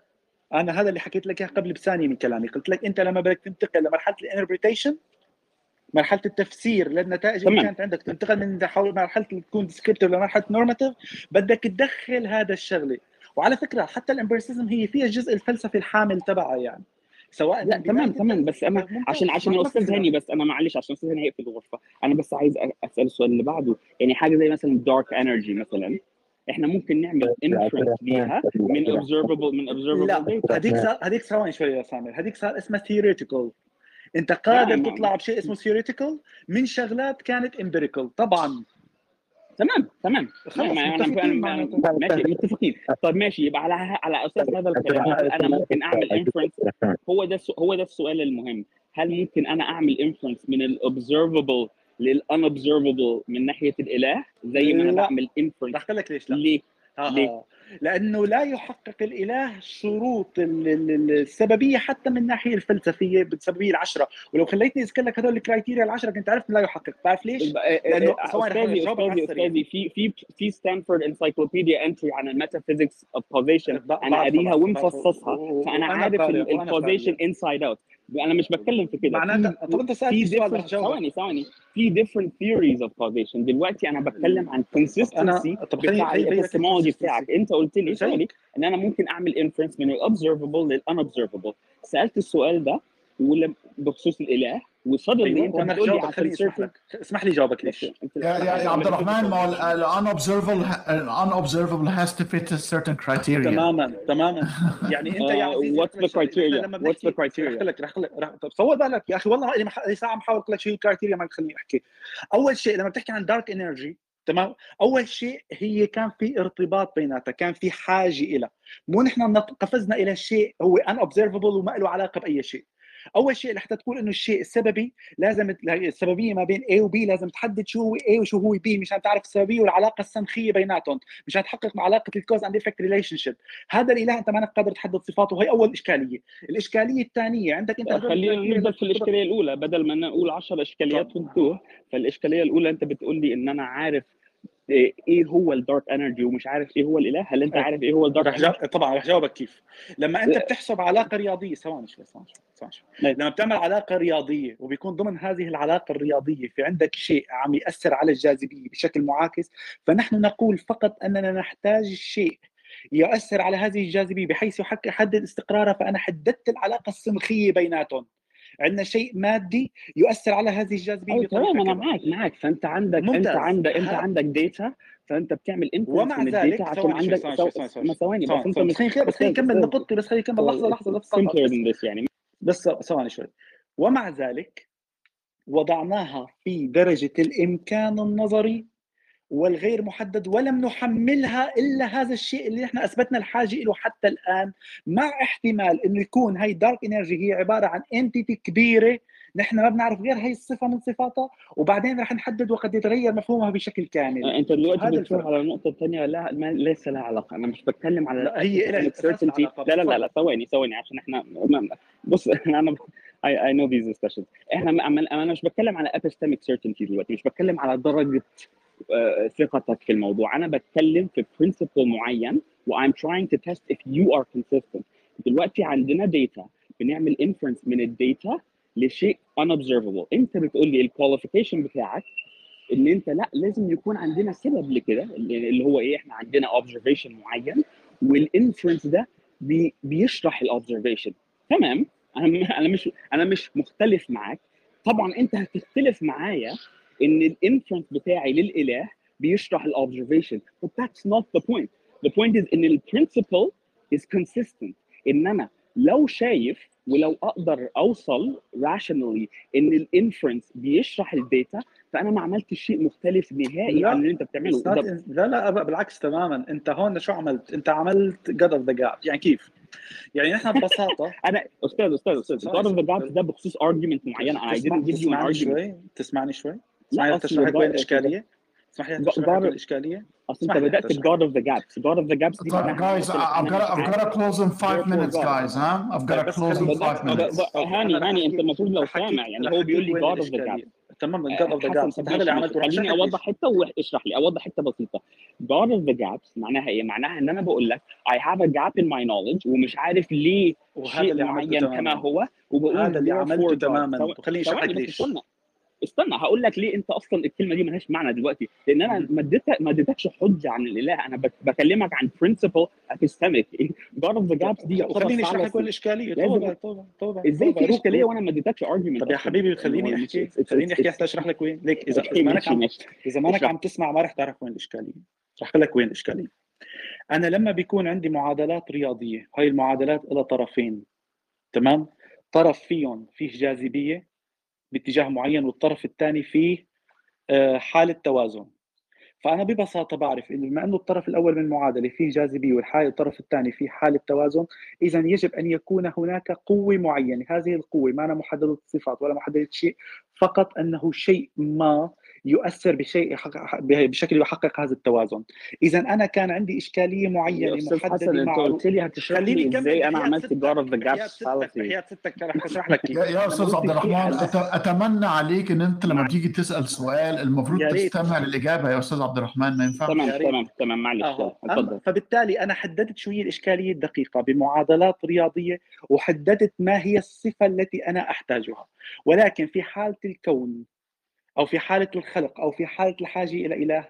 أنا وصلت إلى نقطة أنا لا أعرف كيف تشكل الشيء فقلت إذا تشكل عن طريق هذا الإله، يعني أنا مثلا ما عندي كيف تشكلت القوة التي أدت إلى الخلق وأنا بدي شو كيف شكلت، أنا عندي gap معرفية كبيرة بكل ما يتعلق بالخلق والكون وكذا، فأنا هي ال gap بدل ما أفسر كذا قلت هي خلق إله، هي God of the gaps طيب ممكن ممكن ممكن أجاوبك يا أستاذ حسن. هل أنا قلت هل أي حد سمعني هنا؟ ممكن ممكن you can unmute ممكن تجاوبه. هل أي حد سمعني بيقول أنا لا أدري therefore الإله؟ هل أي حد سمع إيه كده؟ طبعا بس سؤال إيه بسيط. طبعا إيه طبعا. أوكي ماشي. الباقي الباقي. هل حد سمعني بيقول كده؟ وخليني أشرح لك كيف قلتها. لا لا لا ثواني. ما أنا بسأل التانيين أنا بسأل التانيين. هل حد سمعني بقول أنا لا أدري كذا كذا therefore في إله؟ هل حد سمعني بيقول كده؟ خليني أشرح لك أنا هو أنتوا مش عايزين تجاوبوا يا ما جماعة ما اللي حابب أبين لك ممكن حد يجاوب ما قلت لك تبين لي إيه؟ هو أنا إما قلتها أو ما قلتهاش. بس بس يا جماعة بس يا طب أستاذ عبد الرحمن ده كده كده الموضوع جانبي. كده الموضوع كده دخل أستاذ هاني يعني أستاذ هاني ليش أستاذ هاني إزاي؟ ثواني طيب ثواني يا أستاذ حسن عشان طب أرد عليك. عبد بس الرحمن ماشي مش لازم أسأل. عبد الرحمن مش لازم أسأل. ثانية معلش بس توضيح نظام بس طيب لو لو بعد خمس دقايق أستاذ هنا هيقفل أنا ممكن نكمل نقاش عندنا في ال- في الأكاديمية لا لا أنا آه كمان بدي أسكر لأنه أنا كمان متأخر بالشغل بس مو هذه خلي وين صارت الإشكالية؟ ماشي ماشي أستاذ حسن أنت شوف الاشكاليه خليني أرد بس عليك أرد. أنا ما لا لا لا ما ما وضحت لك الإشكالية. أنت بس أنت ما اديتنيش فرصة أرد. اديني رح فرصة جاوبك أرد. رح جاوبك رح أسكت. يا أخي أعطيني إيه ثانية وراح أسكت. لو سمحت. اتفضل اتفضل اتفضل. أنت اجيت ببساطة أنت اجيت. يا سامر أنت اجيت ببساطة وحكيت الآتي. قلت بما إنه أنتم بتستدلوا رياضيا على شغلات unobservable من شغلات observable فمعناتها أنا بحق لي أستدل على أي شيء مثل الإله من شغلات unobservable من شغلات observable لأنه لا أنا observable هون الخطا لأنه أنت عملت ال false equivalence هون اللي هو كالآتي أنتم عندكم data رياضية معينة تؤدي إلى نقص محدد فانتم استدليتوا فيها على شيء undefined. فأنا بالتالي استشهادي بالإله اللي بيغطي كل ال gaps تبعي هو شيء صحيح. وهي الخطأ اللي أنت عملته. تمام. طب ماشي ماشي ماشي ماشي. آه هي هي الكلام اللي انت بتقوله معناه واضح بس مش واضح إن أنا قلت أي شيء من الكلام ده. يعني مثلا أنا لم أقل إن معنى إن أنت بتعمل inference من ال observable لل unobservable يبقى كل نوع inference من ال observable لل unobservable آه مش هيكون fallacious. فينا يعني ركز في كلامي. وأنا ما قلتش برضو إن في شيء أنا لا أعرفه وبناء على ذلك أنا بطرح إله. هنا هي دي الحتة المهمة واللي أنا مش هفوتها. أنت قلت God of the gaps اللي هي ناس كتير بتكررها. بس God of the gaps دي logical fallacy أو informal fallacy هيبقى ليها علاقة ب argument محددة بال form بتاع ال argument بتاعي. أنا ما اديتكش argument عشان تقول لي إن أنا عملت fallacy.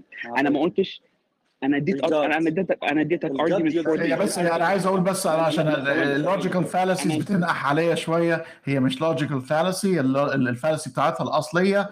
هي from from personal incredulence أو أو um, uh, incredulity incredulity آه. أيوه incredulity fallacy however اللي أنا بوضحه دلوقتي ان incredulity أستاذ عبد الرحمن لما بتذكر لما بتذكر بس عشان ترد على كلامي. طب ثواني ثواني عشان انت مش فاهم ان أنا دلوقتي. أنا إزاي إزاي عملت أنا fallacy وأنا I'm not providing an argument what I am saying is ان في principle معينة إحنا بنستخدمها وممكن تستخدم في كذا مجال. هل أنا ممكن أستخدمها بطريقة خاطئة لأن أنا أثبت الإله؟ نعم وأنا قلت كده بالتحديد. ده أنا بالعكس ده أنا قلت إن ممكن يكون إثباتي غلط. أنا مهتم بالبرنسبل لو the principle of inferring from observable لل unobservable ده principle في حد ذاته مش fallacious يبقى أنا عندي مشكلة في طرح كثير من بالذات الاستاذ التخريج قالوا. وده مش معناه إن الإله موجود وإن الارجيومنت اللي أنا هديها لك مش هتبقى God of the gaps argument. بس ده معناه إن أنت أصلا التشارج اوف or God of the gaps ده هنا ليس له معنى لأن أنا خليني أصلا لم. لم أعطيك طرح خليني أبين لك تبين لي يا أخي ما أنت قلت لي رح اخلص بعدين أنت بترد علي؟ رح أبين لك وين المغالطه اللي عملتها. في حال أنت عم تسأل عن البرنسبل عن المبدأ بحد ذاته كان بتسأل كالآتي. ولا تقاطعني لو سمحت بتقول لي اذا هل أنا أستطيع أن أستدل بشغلات observable على شغلات ان observable ووقتها نحن بنناقشها. اللي أنت حضرتك حكيته قلت بما إنكم تستطيعون أن تستدلوا على شغلات observable uh, unobservable من شغلات observable اذا أنا أستطيع أن أستدل على الإله. فأنا قلت لك لا. ليس نفس قياس ال dark matter لأنك اعطيتني ال dark matter dark energy كمثال. قلت لك هي مو مثل هي. ليش؟ بمجرد إنك ذكرت ال God الإله أنت ألزمت بما تحمله هذه الحجة لأنك أنت حددت الحجة. فقلت لك قياسك الإله إنك تستنتجه من شغلات حاليا observable على الإله لا يساوي كيفية استدلالنا الرياضي على ال dark matter كذا. أنا كنت مبين لك ال false equivalence تبعك. ما قلتش إنه يساوي لم أقل إنه يساوي. يعني انت بص بص أنت برضه انت أنت برضه بتقول لي دلوقتي عبد ايكوفالنس مشان عبد رح لك وين؟ شغلتك بتسال عن البرنسبل؟ بتحدد بتقول لي حسن إذا هل نحن نستطيع أن نستنتج شغلات غير مرئية أو غير قابلة للقياس والكذا من شغلات قابلة للقياس بنناقشه. بس بس لما بتحدد لي الحجة فأنت تلتزم بما تلزمك هذه الحجة. أنت حددت الإله أي حجة أي بدي حجة. أحط لك الاله هل أنا أعطيتك حجة للإله ولا قلت لك إن مثلا يكفي يكفي ذكر اسم الإله. يكفي ذكر اسم الإله حتى تلزم بحجتي أوكي يكفي. لك عزيزي و- و- واضح بدك واضح إنه شيء عاطفي. لا لا لا مو عاطفي. لما أنت بتقول يا شباب ما حدا يحط له ما حدا يحط له mute أنا ما حطيت له mute. عبد الرحمن أنا ما حطيت لك mute. لا لأن عبد أنا قلت لك أستاذ أنا قلت آه لك إن هو ممكن ممكن يكون غلط. أنا مش بس أنا أنا ذكرت كلمة للمرات وكمان قلت لك عشان ما تزعلش. يعني قلت لك ممكن يكون غلط. أشرح لك شغلة شغله المرات القادمة بس. أنا يا جماعة بس مش حابب مش آه sorry بس يا جماعة. ال- الغرفة لمدة ثلاث ساعات ماشية بطريقة معينة دلوقتي أصبحت مزعجة. يعني أنا الحقيقة صدعت. آخر 10 وأنا بصراحه كمان وأنا كمان بس آه, آه. بس مشان بدنا نسأل عن principle نكون عامين بدك تحدد شيء أنت الزمت ما حددته يعطيكم العافية ما أنا أنا أنا آه لم أدعي إن أنا مش بسأل سؤال عام أنا سالته سؤال عام بس أستاذ عبد. الرحمن.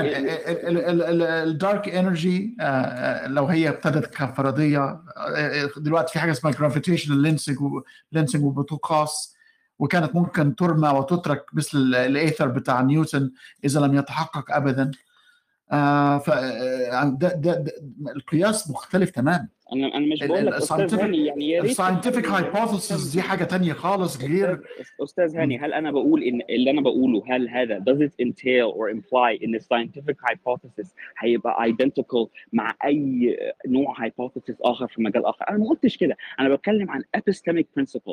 It's very simple. مش فاهم إزاي العك ده كله بيحصل. مش قصدي يعني I don't mean to be rude. أنا قصدي إن أنا بتكلم بكلام واضح إن في principle معين وال critique كان هيبقى بخصوص نقطة إن ما, ما يا أستاذ عبد الرحمن ما المشكلة المشكلة أنت بتتكلم مع ناس empiricists. إحنا هو أنت اتجاهك. انت, طبعاً- اتجاهك rationalist أنت لا أنا rationalist أنا rationalist. أنا ما قلتش أنا rationalist. لما idealist تعينت وأنت إيه؟ طب إيه حضرتك اتجاهك علاقه الفلسفي إيه؟ إيه؟ علاقة ال rationalism بال idealism هو أنا ما, أنا ما عملتش علاقة. أنا سألت سؤالين. ثانية واحدة. أنا سألت سؤالين منفصلين فين العلاقة اللي أنا حطيتها ما بين الاثنين؟ أصل أنت سألتني أنا rationalist ولا empiricist ده ليه علاقة بال epistemology or وبعدين سألتني بس ال idealism أنت ده لا في عندك المشكلة يا عبد الرحمن أنت بتشوف relationships و correlation سؤاله استاذي بسيط سالك أنت أستاذ هاني. أستاذ هاني أستاذ هاني. أستاذ هاني أنت سألتني أنا rationalist ولا empiricist قلت لك قلت قلت لك إن أنا لا لا أنا ما بسالش كده. أنا سألت الأول قلت لك أنت حضرتك بتتكلم مع empiricists. حضرتك rationalist قلت لي لا قلت لك طب أنت ب- عايز أشوف مدرستك الفلسفية. هي بس هي علاقة الايدياليزم ماشي مش طيب طيب مشكلة. يا جماعة المهم المهم المهم علاقة المهم الايدياليزم يا يا المهم I'm not I'm not I'm not 100% settled on an epistemic stance. أنا شايف إن إن إن إن there, there are a priori truth بس ممكن إن هو يبقى يعني reducible analytic truth. و I'm not completely settled on synthetic a priori truth بتاعت كانت so so يعني مش مش يعني أنا أفضل أن أناقش النقاط اللي هي موجودة في إطار آه، آه، آه، أوجه فلسفية بدل ال labels. فعشان كده أنا بسأل في نقاط مهمة طيب. ليها علاقة طيب بال empiricism طيب أستاذ بتاعك عبد الرحمن اللي أنا سمعته هنا. بس واضح أظن إن في يا يعني أخي ثواني lack يا عبد الرحمن ال room إلها ماشية ثلاث ساعات نحن عم نسمع على بعض بهدوء موضوع ال ping ponging اللي صار بالأخير هذا شوي يعني ما حدا عم يسمع الثاني يعني حرفيا نحن بنكون عم نحكي شيء أنت بترد بشيء نحن كان كلامنا بسيط جدا بكل بساطة. إذا حضرتك عم تسأل عن ال epistemic principles المبادئ المعرفية هي نحكي عنها بشكل عام. ما دام أنت أعطيت مثال أنت ألزمت فيه. اسألني بشكل أنت لما كنت عم تسألني بشكل عام عن موضوع ال correlation وال causation هدول الأمور كنت عم جاوبك بشكل عام. بدون حتى ما أعطيك أي مثال. قلت لك نحن شو تعريف ال association شو تعريف ال correlation وكيف بدها تصير ال causation أنت لما دخلت مثال معين أنت صرت بدك تحدد هذا المثال فأنا اضطريت بين لك عليه. حابب تسأل عن ال principles من عيوني تكرم عينك. أنا روح قلبي موضوع ال- دكتور حسن آه،. أنا كنت ناوي أقفل حالا بس طبعا الأستاذ الدكتور معتز دخل فأنا لازم اعطي له كلمة أخيرة وأشكره على الحضور ولو هو عايز يتكلم فهيكون ده مسك الختام في الغرفة اليوم. شكرا جزيلا.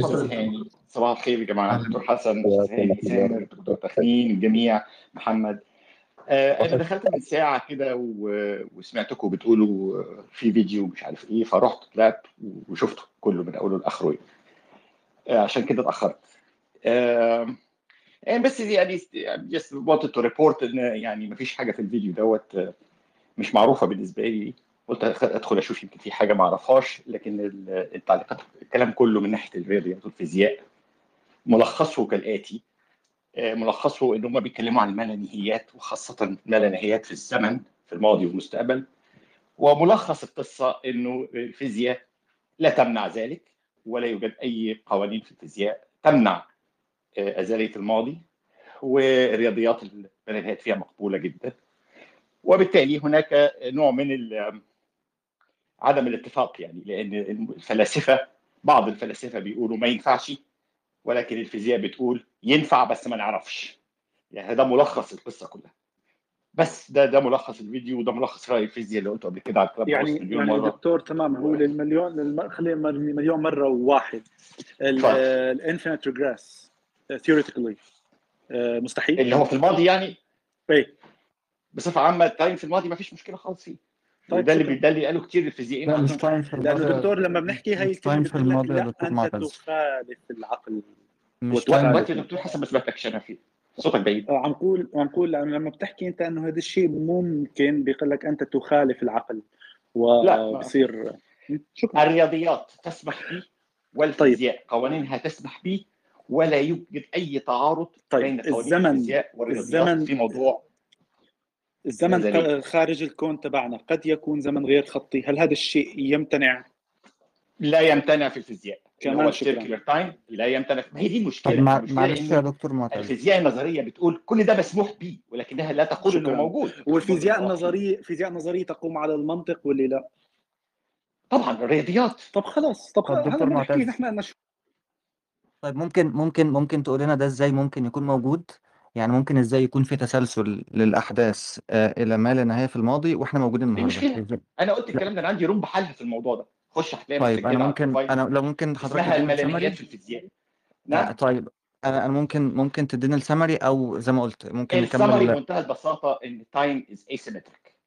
ما تسمح بحدوثه في المستقبل يسمح بحدوثه في الماضي. أنت في النقطة t equal zero أنت كمراقب في النقطة t equal zero الما لا نهايه مسموحة ليك. في المستقبل ومسموحة ليك في الماضي. إذا منعتها في اتجاه لازم تمنعها في الاتجاه الثاني الرياضيات تسمح بالاثنين ومعادلات الرياضيات معادلات الفيزياء كلها completely symmetric in time ما تسمح به forward تسمح به backward بس أدي ملخص القصة لا ده مش النقاش يا دكتور. مش النقاش إن أنا أحط مثلا انفينيتي في أي معادلة. لا. النقاش النقاش مش كده. النقاش هو موضوع الرصاصة والضابط اللي أمر بالرصاصة صح؟ بالظبط. عايز أعرف إزاي في حدث عارف ده بالنسبة لك أنت كمراقب. كمراقب. ولكن الفيزياء تقول أن المراقب يختلف وجهة نظره من منطقة إلى أخرى. معادلات الفيزياء بتتكلم عن هذه المواضيع ملهاش دعوة بمين اللي بيراقب مين اللي بيقول مين اللي بيشوف. هي بتقول لك أنا عندي كذا. كونك أنت كمراقب مش قادر تتخيلها دي مشكلتك أنت. وهذا اللي أنا ولكن لا يوجد تعارض لا لا هو يا إحنا دكتور قلنا أول هو شيء إحنا قلنا يا دكتور محمد إحنا قلنا دي مبنية على المنطق. عن لا مش مبنية منطق على مش معايا صورة معادلة رياضية وأنا أقبلها. لا إحنا قلنا إحنا قلنا دي مبنية على المنطق. لو المنطق في حاجة اسمها أنت مش قادر تتخيلها طب منطق إيه بقى؟ لو حاجة أنت مش قادر تمنطقها. لو في شيء لا لا لا ما ما انت. يا دكتور يا دكتور أنا أنا مش موضوع انت انت بتقوله يتعارض مع يا دكتور يا دكتور ده في مش دكتور الفكرة المنطق مش فكرة أنت المنطق يا يا أي منطق الفكرة كلها إنك تقدر ت justify الحاجة دي زي دي ما تقوليش أنت مثال العلم الجندي والرصاصة ملوش علاقة بالرصد يا دكتور. العلم مفيش فيه أنت وواحد تاني العلم مفيش فيه العلم لابد إن هو يكون justified جميل. أقدر اعمل لي justification للأمر ده على المنطق العلمي. في صورة physical equations mathematical equations وتفضل وريهولي. إحنا مش هنطلع مشكلتنا في ال equation يا دكتور انت بتقول لي أنا ما ينفعش أكون وصلت للنقطة اللي أنا فيها عشان خاطر فيه في الماضي عدد لا نهائي من الأحداث. أنت ده رؤيتك أنت. الرياضيات والمت- والفيزياء بتخالفك. بتقول لك لا صح. صح يا دكتور معتز الحتة دي مش مستحيلة لكن المستحيل إن يكون واحد فيهم معتمد على الآخر. لا ده اللي ليه؟ رضا بيتكلم فيه. ليه؟ يعني واحد سبب الآخر لأن هو آه لو س... آه. لو هنا بقى أنت بتخش في مشكلة ال causality اللي اتكلم فيها الفيديو. ما دي اللي إحنا بنتكلم فيها يا مرتبطه دكتور معتز. دي أصلا إحنا بنتكلم فيها. ال causali- ال causality ال causality بالمناسبة يا دكتور معتز ال causality غير الحتمية غير ال determinism. أنا عارف. الفرق طيب الاثنين تمام. تمام الكلام الكلام مش على ال determinism يا دكتور أحمد. الكلام مش على determinism الكلام على إزاي؟ في أصل أنا ما شفتش حدث الفيديو والله يا رضا فأنا ما أعرفش ممكن الفيديو يكون بيتكلم على إيه بس ما حدث. علينا ما علينا. مش بس الفيديو. روح في شوف occurred بص في الكلام ده أنا أنا مش هتناقش دلوقتي لأن أنا أنا بس جست بصبح عليكم وانتوا عايزين تقفلوا الروم. لا ده أنا النهارده سبعه جدا إن التسلسل عندي وربع مثلا الصبح وأنا رايح الشغل ومليون حاجة. وأنا والله نفس القصة. لكن اديتك ملخص الفيديو وملخص رأي الفيزياء. أنا لا أعرف بحث في الفيزياء يمنع ذلك. أنت بتقول لي يمنع تسلسل يمنع تسلسل حاجات مش مرتبطة ببعضها. صح. لا لكن مرتبطة ببعضها. مرتبطة ارتباط بس ليس ارتباط ان ده سبب في وجود ده؟ دي طب دي, محتاجة room بقى يا دكتور معتز عملت room. room يا جماعة طيب موجوده على نشوفها اليوتيوب نشوفها يا جماعة دكتور نشوفها يا معتز نشوف نشوف ال room دي. رابط رابط ال room آه، رح احطه فوق التعليقات على السريع قبل ما نسكر ال room. يلا رح دور عليه طيب إحنا طبعا تأخرنا يعني جماعة تقريبا للمرة أكثر التانية أنا بقول لو عايزين تكملوا نقاش ممكن نكمل نقاش؟ دعك يا محمد رضا دعك حبيبي دعك هدي- هديك تحكي تحكي يا سامر. أنا بس يعني مش هتكلم في الموضوع أنا بس بقول لو عايزين تكملوا نقاش نكمل نقاش في ال... في الأكاديمية ولو دكتور معتز عنده وقت نروح هناك أو دكتور حسن أو أستاذ هاني يعني كل الناس آه، يشرفونا على راسنا يعني ونكمل براحتنا هناك أنا كلام أنا أنا أنا كان كنت حابب جدا إن أكمل النقاش وللأسف لأن الوقت عندي في أستراليا يعني آه، تعدت الحادية عشر مساء وعندي شغل الصبح فأنا عشان كده مش عشان دمي تقيل. أنا مستمتع جدا بالحوار ويا ريت وكنت أتمنى إن بديت الغرفة قبليها بساعة وبساعتين عشان كان الأمر يمتد بالذات مع قدوم الدكتور معتز لأن الأصبح للأمر كده في بنتكلم بطريقة علمية. ال time أنا قلت مشكلة في مشكلة ال time ال time أنا بالنسبة لي أنا يعني هو مش fundamental شيء emergent إحنا بس بنوع ال cosmos ما بيبصش لل time ما فيش ال concept of time بالنسبة لل cosmos إحنا اللي بس بن بنحس بيه لأن ال arrow of time بتاعنا اللي إحنا ماشيين عليه.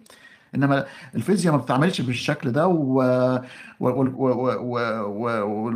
وبالظبط زي ما قال الدكتور معتز في وصفه لل summary الكلام ده كله مش جديد ولكن لأول مرة يتحط فيديو واحد يجمع آراء ال mathematicians وال physicists في نفس المنطقة في نفس الساعة للكلام لدحض حجة واحدة.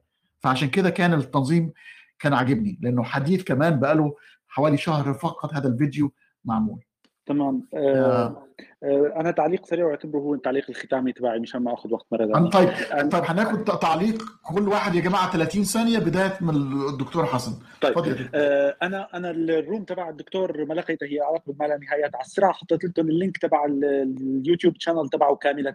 فيها هي ال room ما لا نهايات في الفيزياء وكذا وفيها كثير شغلات ثانية اللي بحب يشوفها.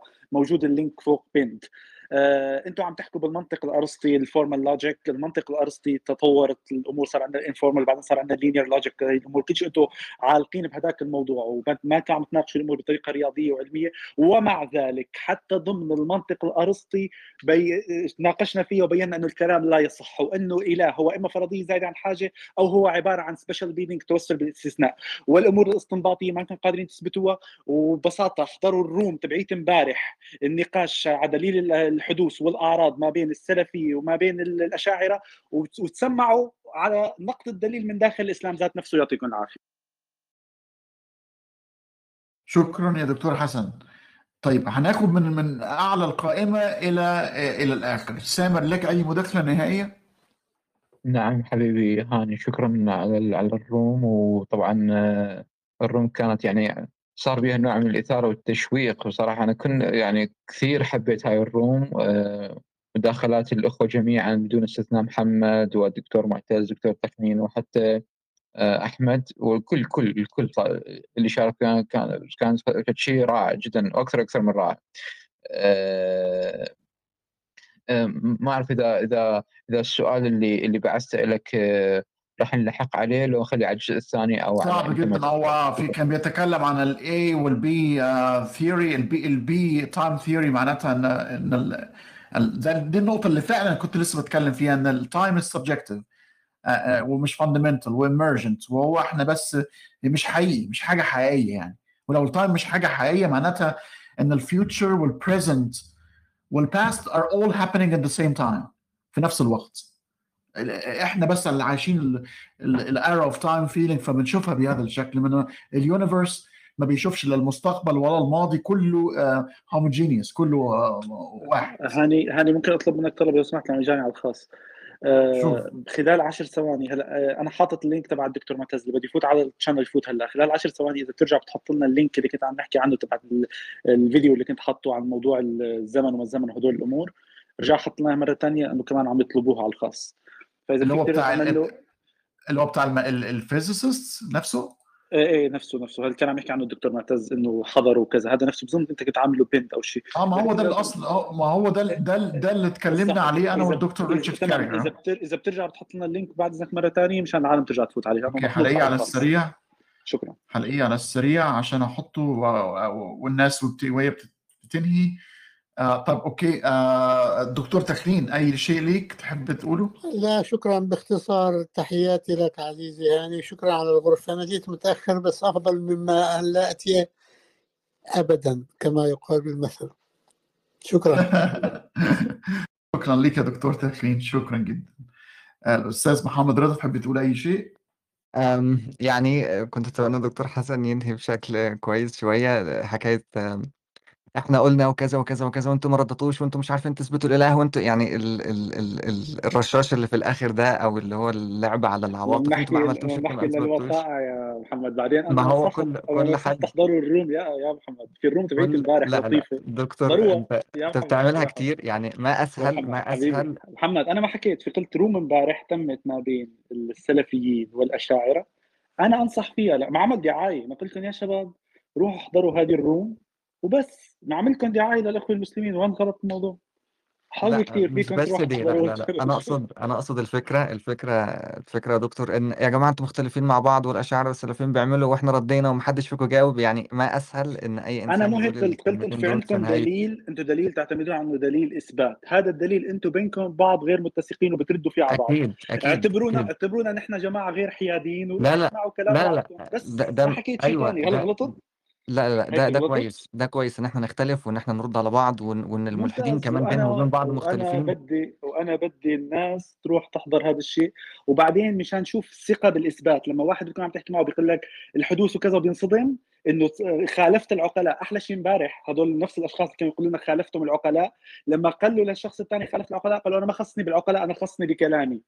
فأنا بتعجبني ال ال الاتساق بالأفكار. بس فعملت ريكومنديشن بسيط كل ده لطيفه طيب أستاذ محمد أتمنى عليك بس تكون جملتك النهائية. ما يكونش فتح لحوار من نوع تاني والله أرجوك. العظيم ما كملت الجملة يعني أنا حتى ما كملتهاش.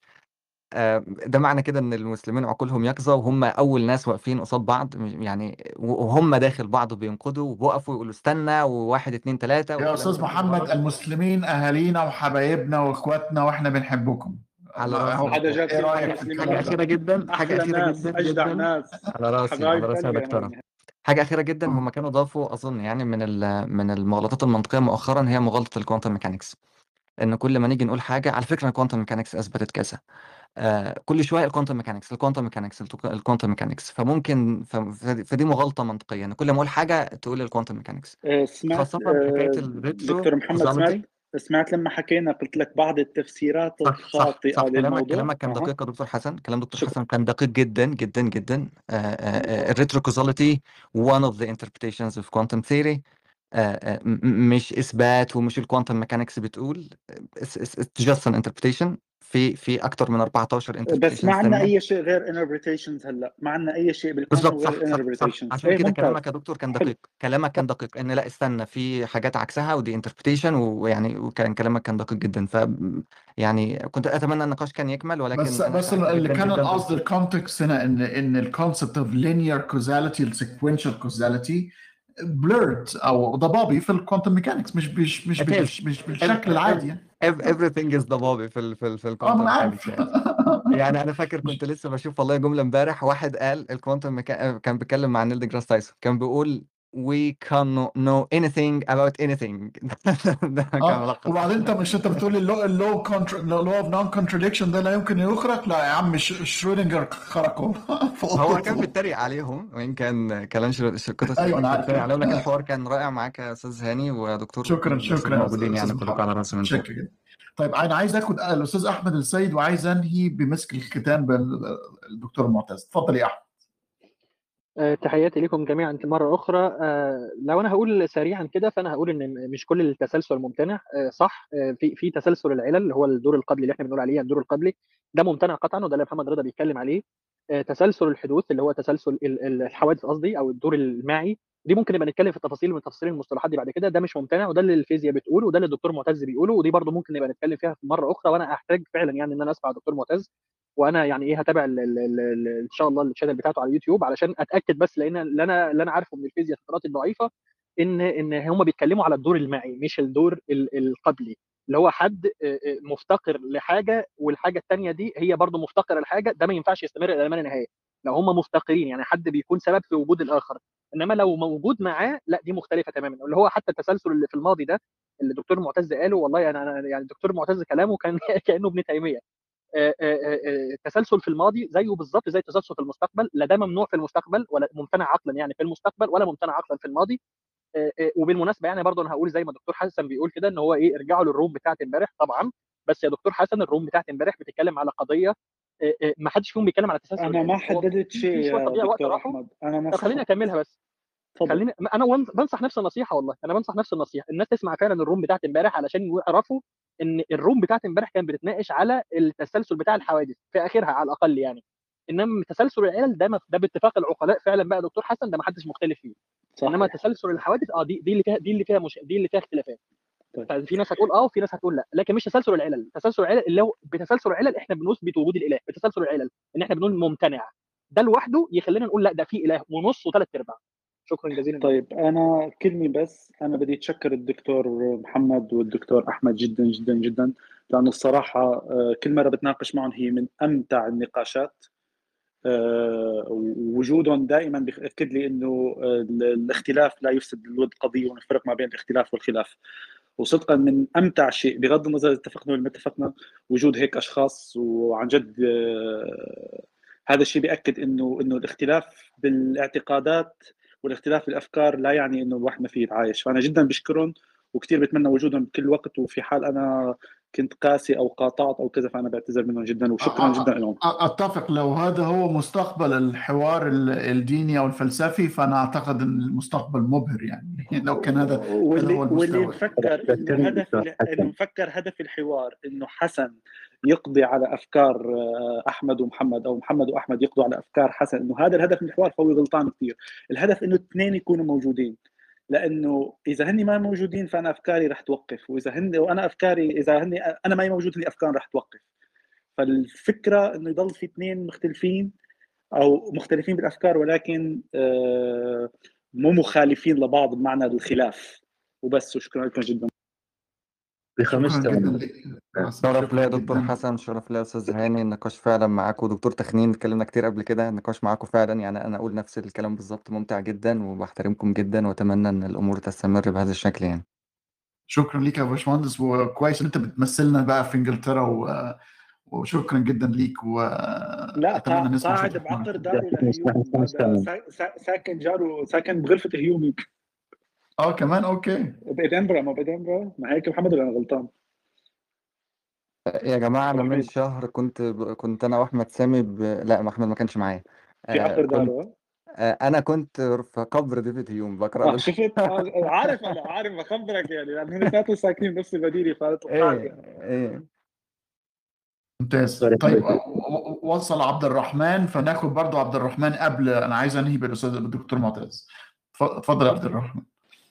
لا أنا ما عنديش حاجة ازيدها يعني بس أنا آسف يعني لو انفعلت أو كده بس يعني من من ناحية سبستنس يعني ما, ما عنديش حاجة أضيفها. وشكرا وأنا وأنا كمان كثير سعيد إنك جيت. أنا بعتذر منك في حال قاطعتك أو شيء بس كنت كثير متحمس للنقاش معك فأنا آسف. ما ما فيش أي مشكلة. شكرا. حبيبي. شكرا. سامر سوري كنت عايز تقول شيء سامر؟ آه آه، حبيبي. آه آه آه طبعا سامحونا يا شباب إذا يعني شو يعني شفتوا من عندنا أي تقصير أو أي شيء يعني آه، ومتأسفين للي آه المشاركات اللي ما قدرت على مود آه أمس على معانا. فإحنا نعتذر جميعا آه يعني فرق التوقيت وأكيد هاني طبعا هو مشغول هوايه أو كثير. آه حبيبي هاني ماشي لك. أنا عايز طبعا قبل ما أعطي المجال للدكتور معتز إذا كان المستقبل آه، في الحوار آه، ال- ال- الديني اللا ديني هو عبارة عن حوار ذهني فقط والمشكلة الوجودية بتاعت ال- الضرر الجسدي مش موجودة. يا أهلا وسهلا بالمس- والشخصنات أيضا؟ بالمستقبل. والشخصنات والشخصنات أيوة، أيوة، بس أيوة. الجسدي كمان الشخصنات الشخصنة دي على فكرة صعبة شو حبتين إحنا للأسف ال evolution بتاعنا لسه مش سامح لنا إن إحنا نخرج من لا يعني الموضوع. ماذا ماذا يمنع إنه أنا بعد ما تناقشت هالنقاش أجي اطلع مثلا أعزمه لمحمد واطلع أنا وياه وأشرب فنجان قهوة. أنا عمري ضروري آه طبعا. يطلع يسب طبعا طبعا. أبدا مع دكتور حسن تماما. ولا فكره فينا. الشخصن يعني. طبعا. فضروري مثلا هلا محمد بس تسكر ال room يروح يسبني مثلا. يعني شايفين الموضوع صعب. طيب. مسك الختام يا جماعة. الدكتور معتز آه، اتفضل يا دكتور. شكرا جزيلا أستاذ هاني. آه أنا بس ليا رجاء قبل ما أقول لكم كلمتين كده. والنبي يا جماعة اعملوا ال- الرومات بتاعتكم دي في مواعيد كويسة شوية. أنا عندي الساعة 7 في نيويورك وصحيت لقيتكم مخلصين. كان نفسي الحقيقة إن أنا أحضرها بالأول.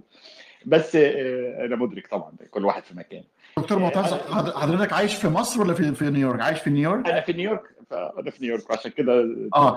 طيب في ال weekend أنا ال- اليوم بتاعي بيكون أحسن كتير وأنا عارف إن أنت مع دايما بتطلع مع دكتور نسيم صديقنا فممكن أيوة. مرة نعمل حاجة آه، في وقت أحسن متاح. يبقى كتر خيرك. أنا طبعا هرجع أسمع ال replay لأن very interesting ideas يعني بال room. آه، دكتور أحمد قال إنه وهو بيسمعني يس- كمان يسمع ابن تيمية. آه، أنا الحقيقة بقول إنه لو كان الشيخ ابن تيمية قال الكلام ده من ألف سنة موضوع التناظر بين الماضي والمستقبل فده شيء كويس جدا. آه، يعني ده معناها إن أنت بتتكلم مع واحد يعني بالتالي لو كنا خدناه علمناه في theoretical physics كان هيطلع حاجات آه، جامدة والله بقول نفس نفس التعليق دايما يا دكتور معتز نفسي فعلا كان الراجل ده دخل دماغه. عقلية مثل هذه انها تقول هذا الكلام من ألف سنة دي في حد ذاتها يعني أنا طبعا ما أفهمش في ابن تيمية لكن فاجئتني. آه، الحاجة الأخيرة إن أنا عايز بس أوضح نقطة. آه، أنا لما بتكلم باسم العلم والفيديو بيتكلم باسم العلم العلم يقف موقف الحياد في أهدافكم. هناك من يريد إثبات وجود الإله، هناك من يريد إثبات عدم وجود الإله أو ايا كان. العلم محايد تماما في هذه النقطة. وأنا لا أرى خالص ان ان إن ايا من النقاط اللي أثيرت النهارده تثبت لها من عدمه حتى لو ثبت صحتها.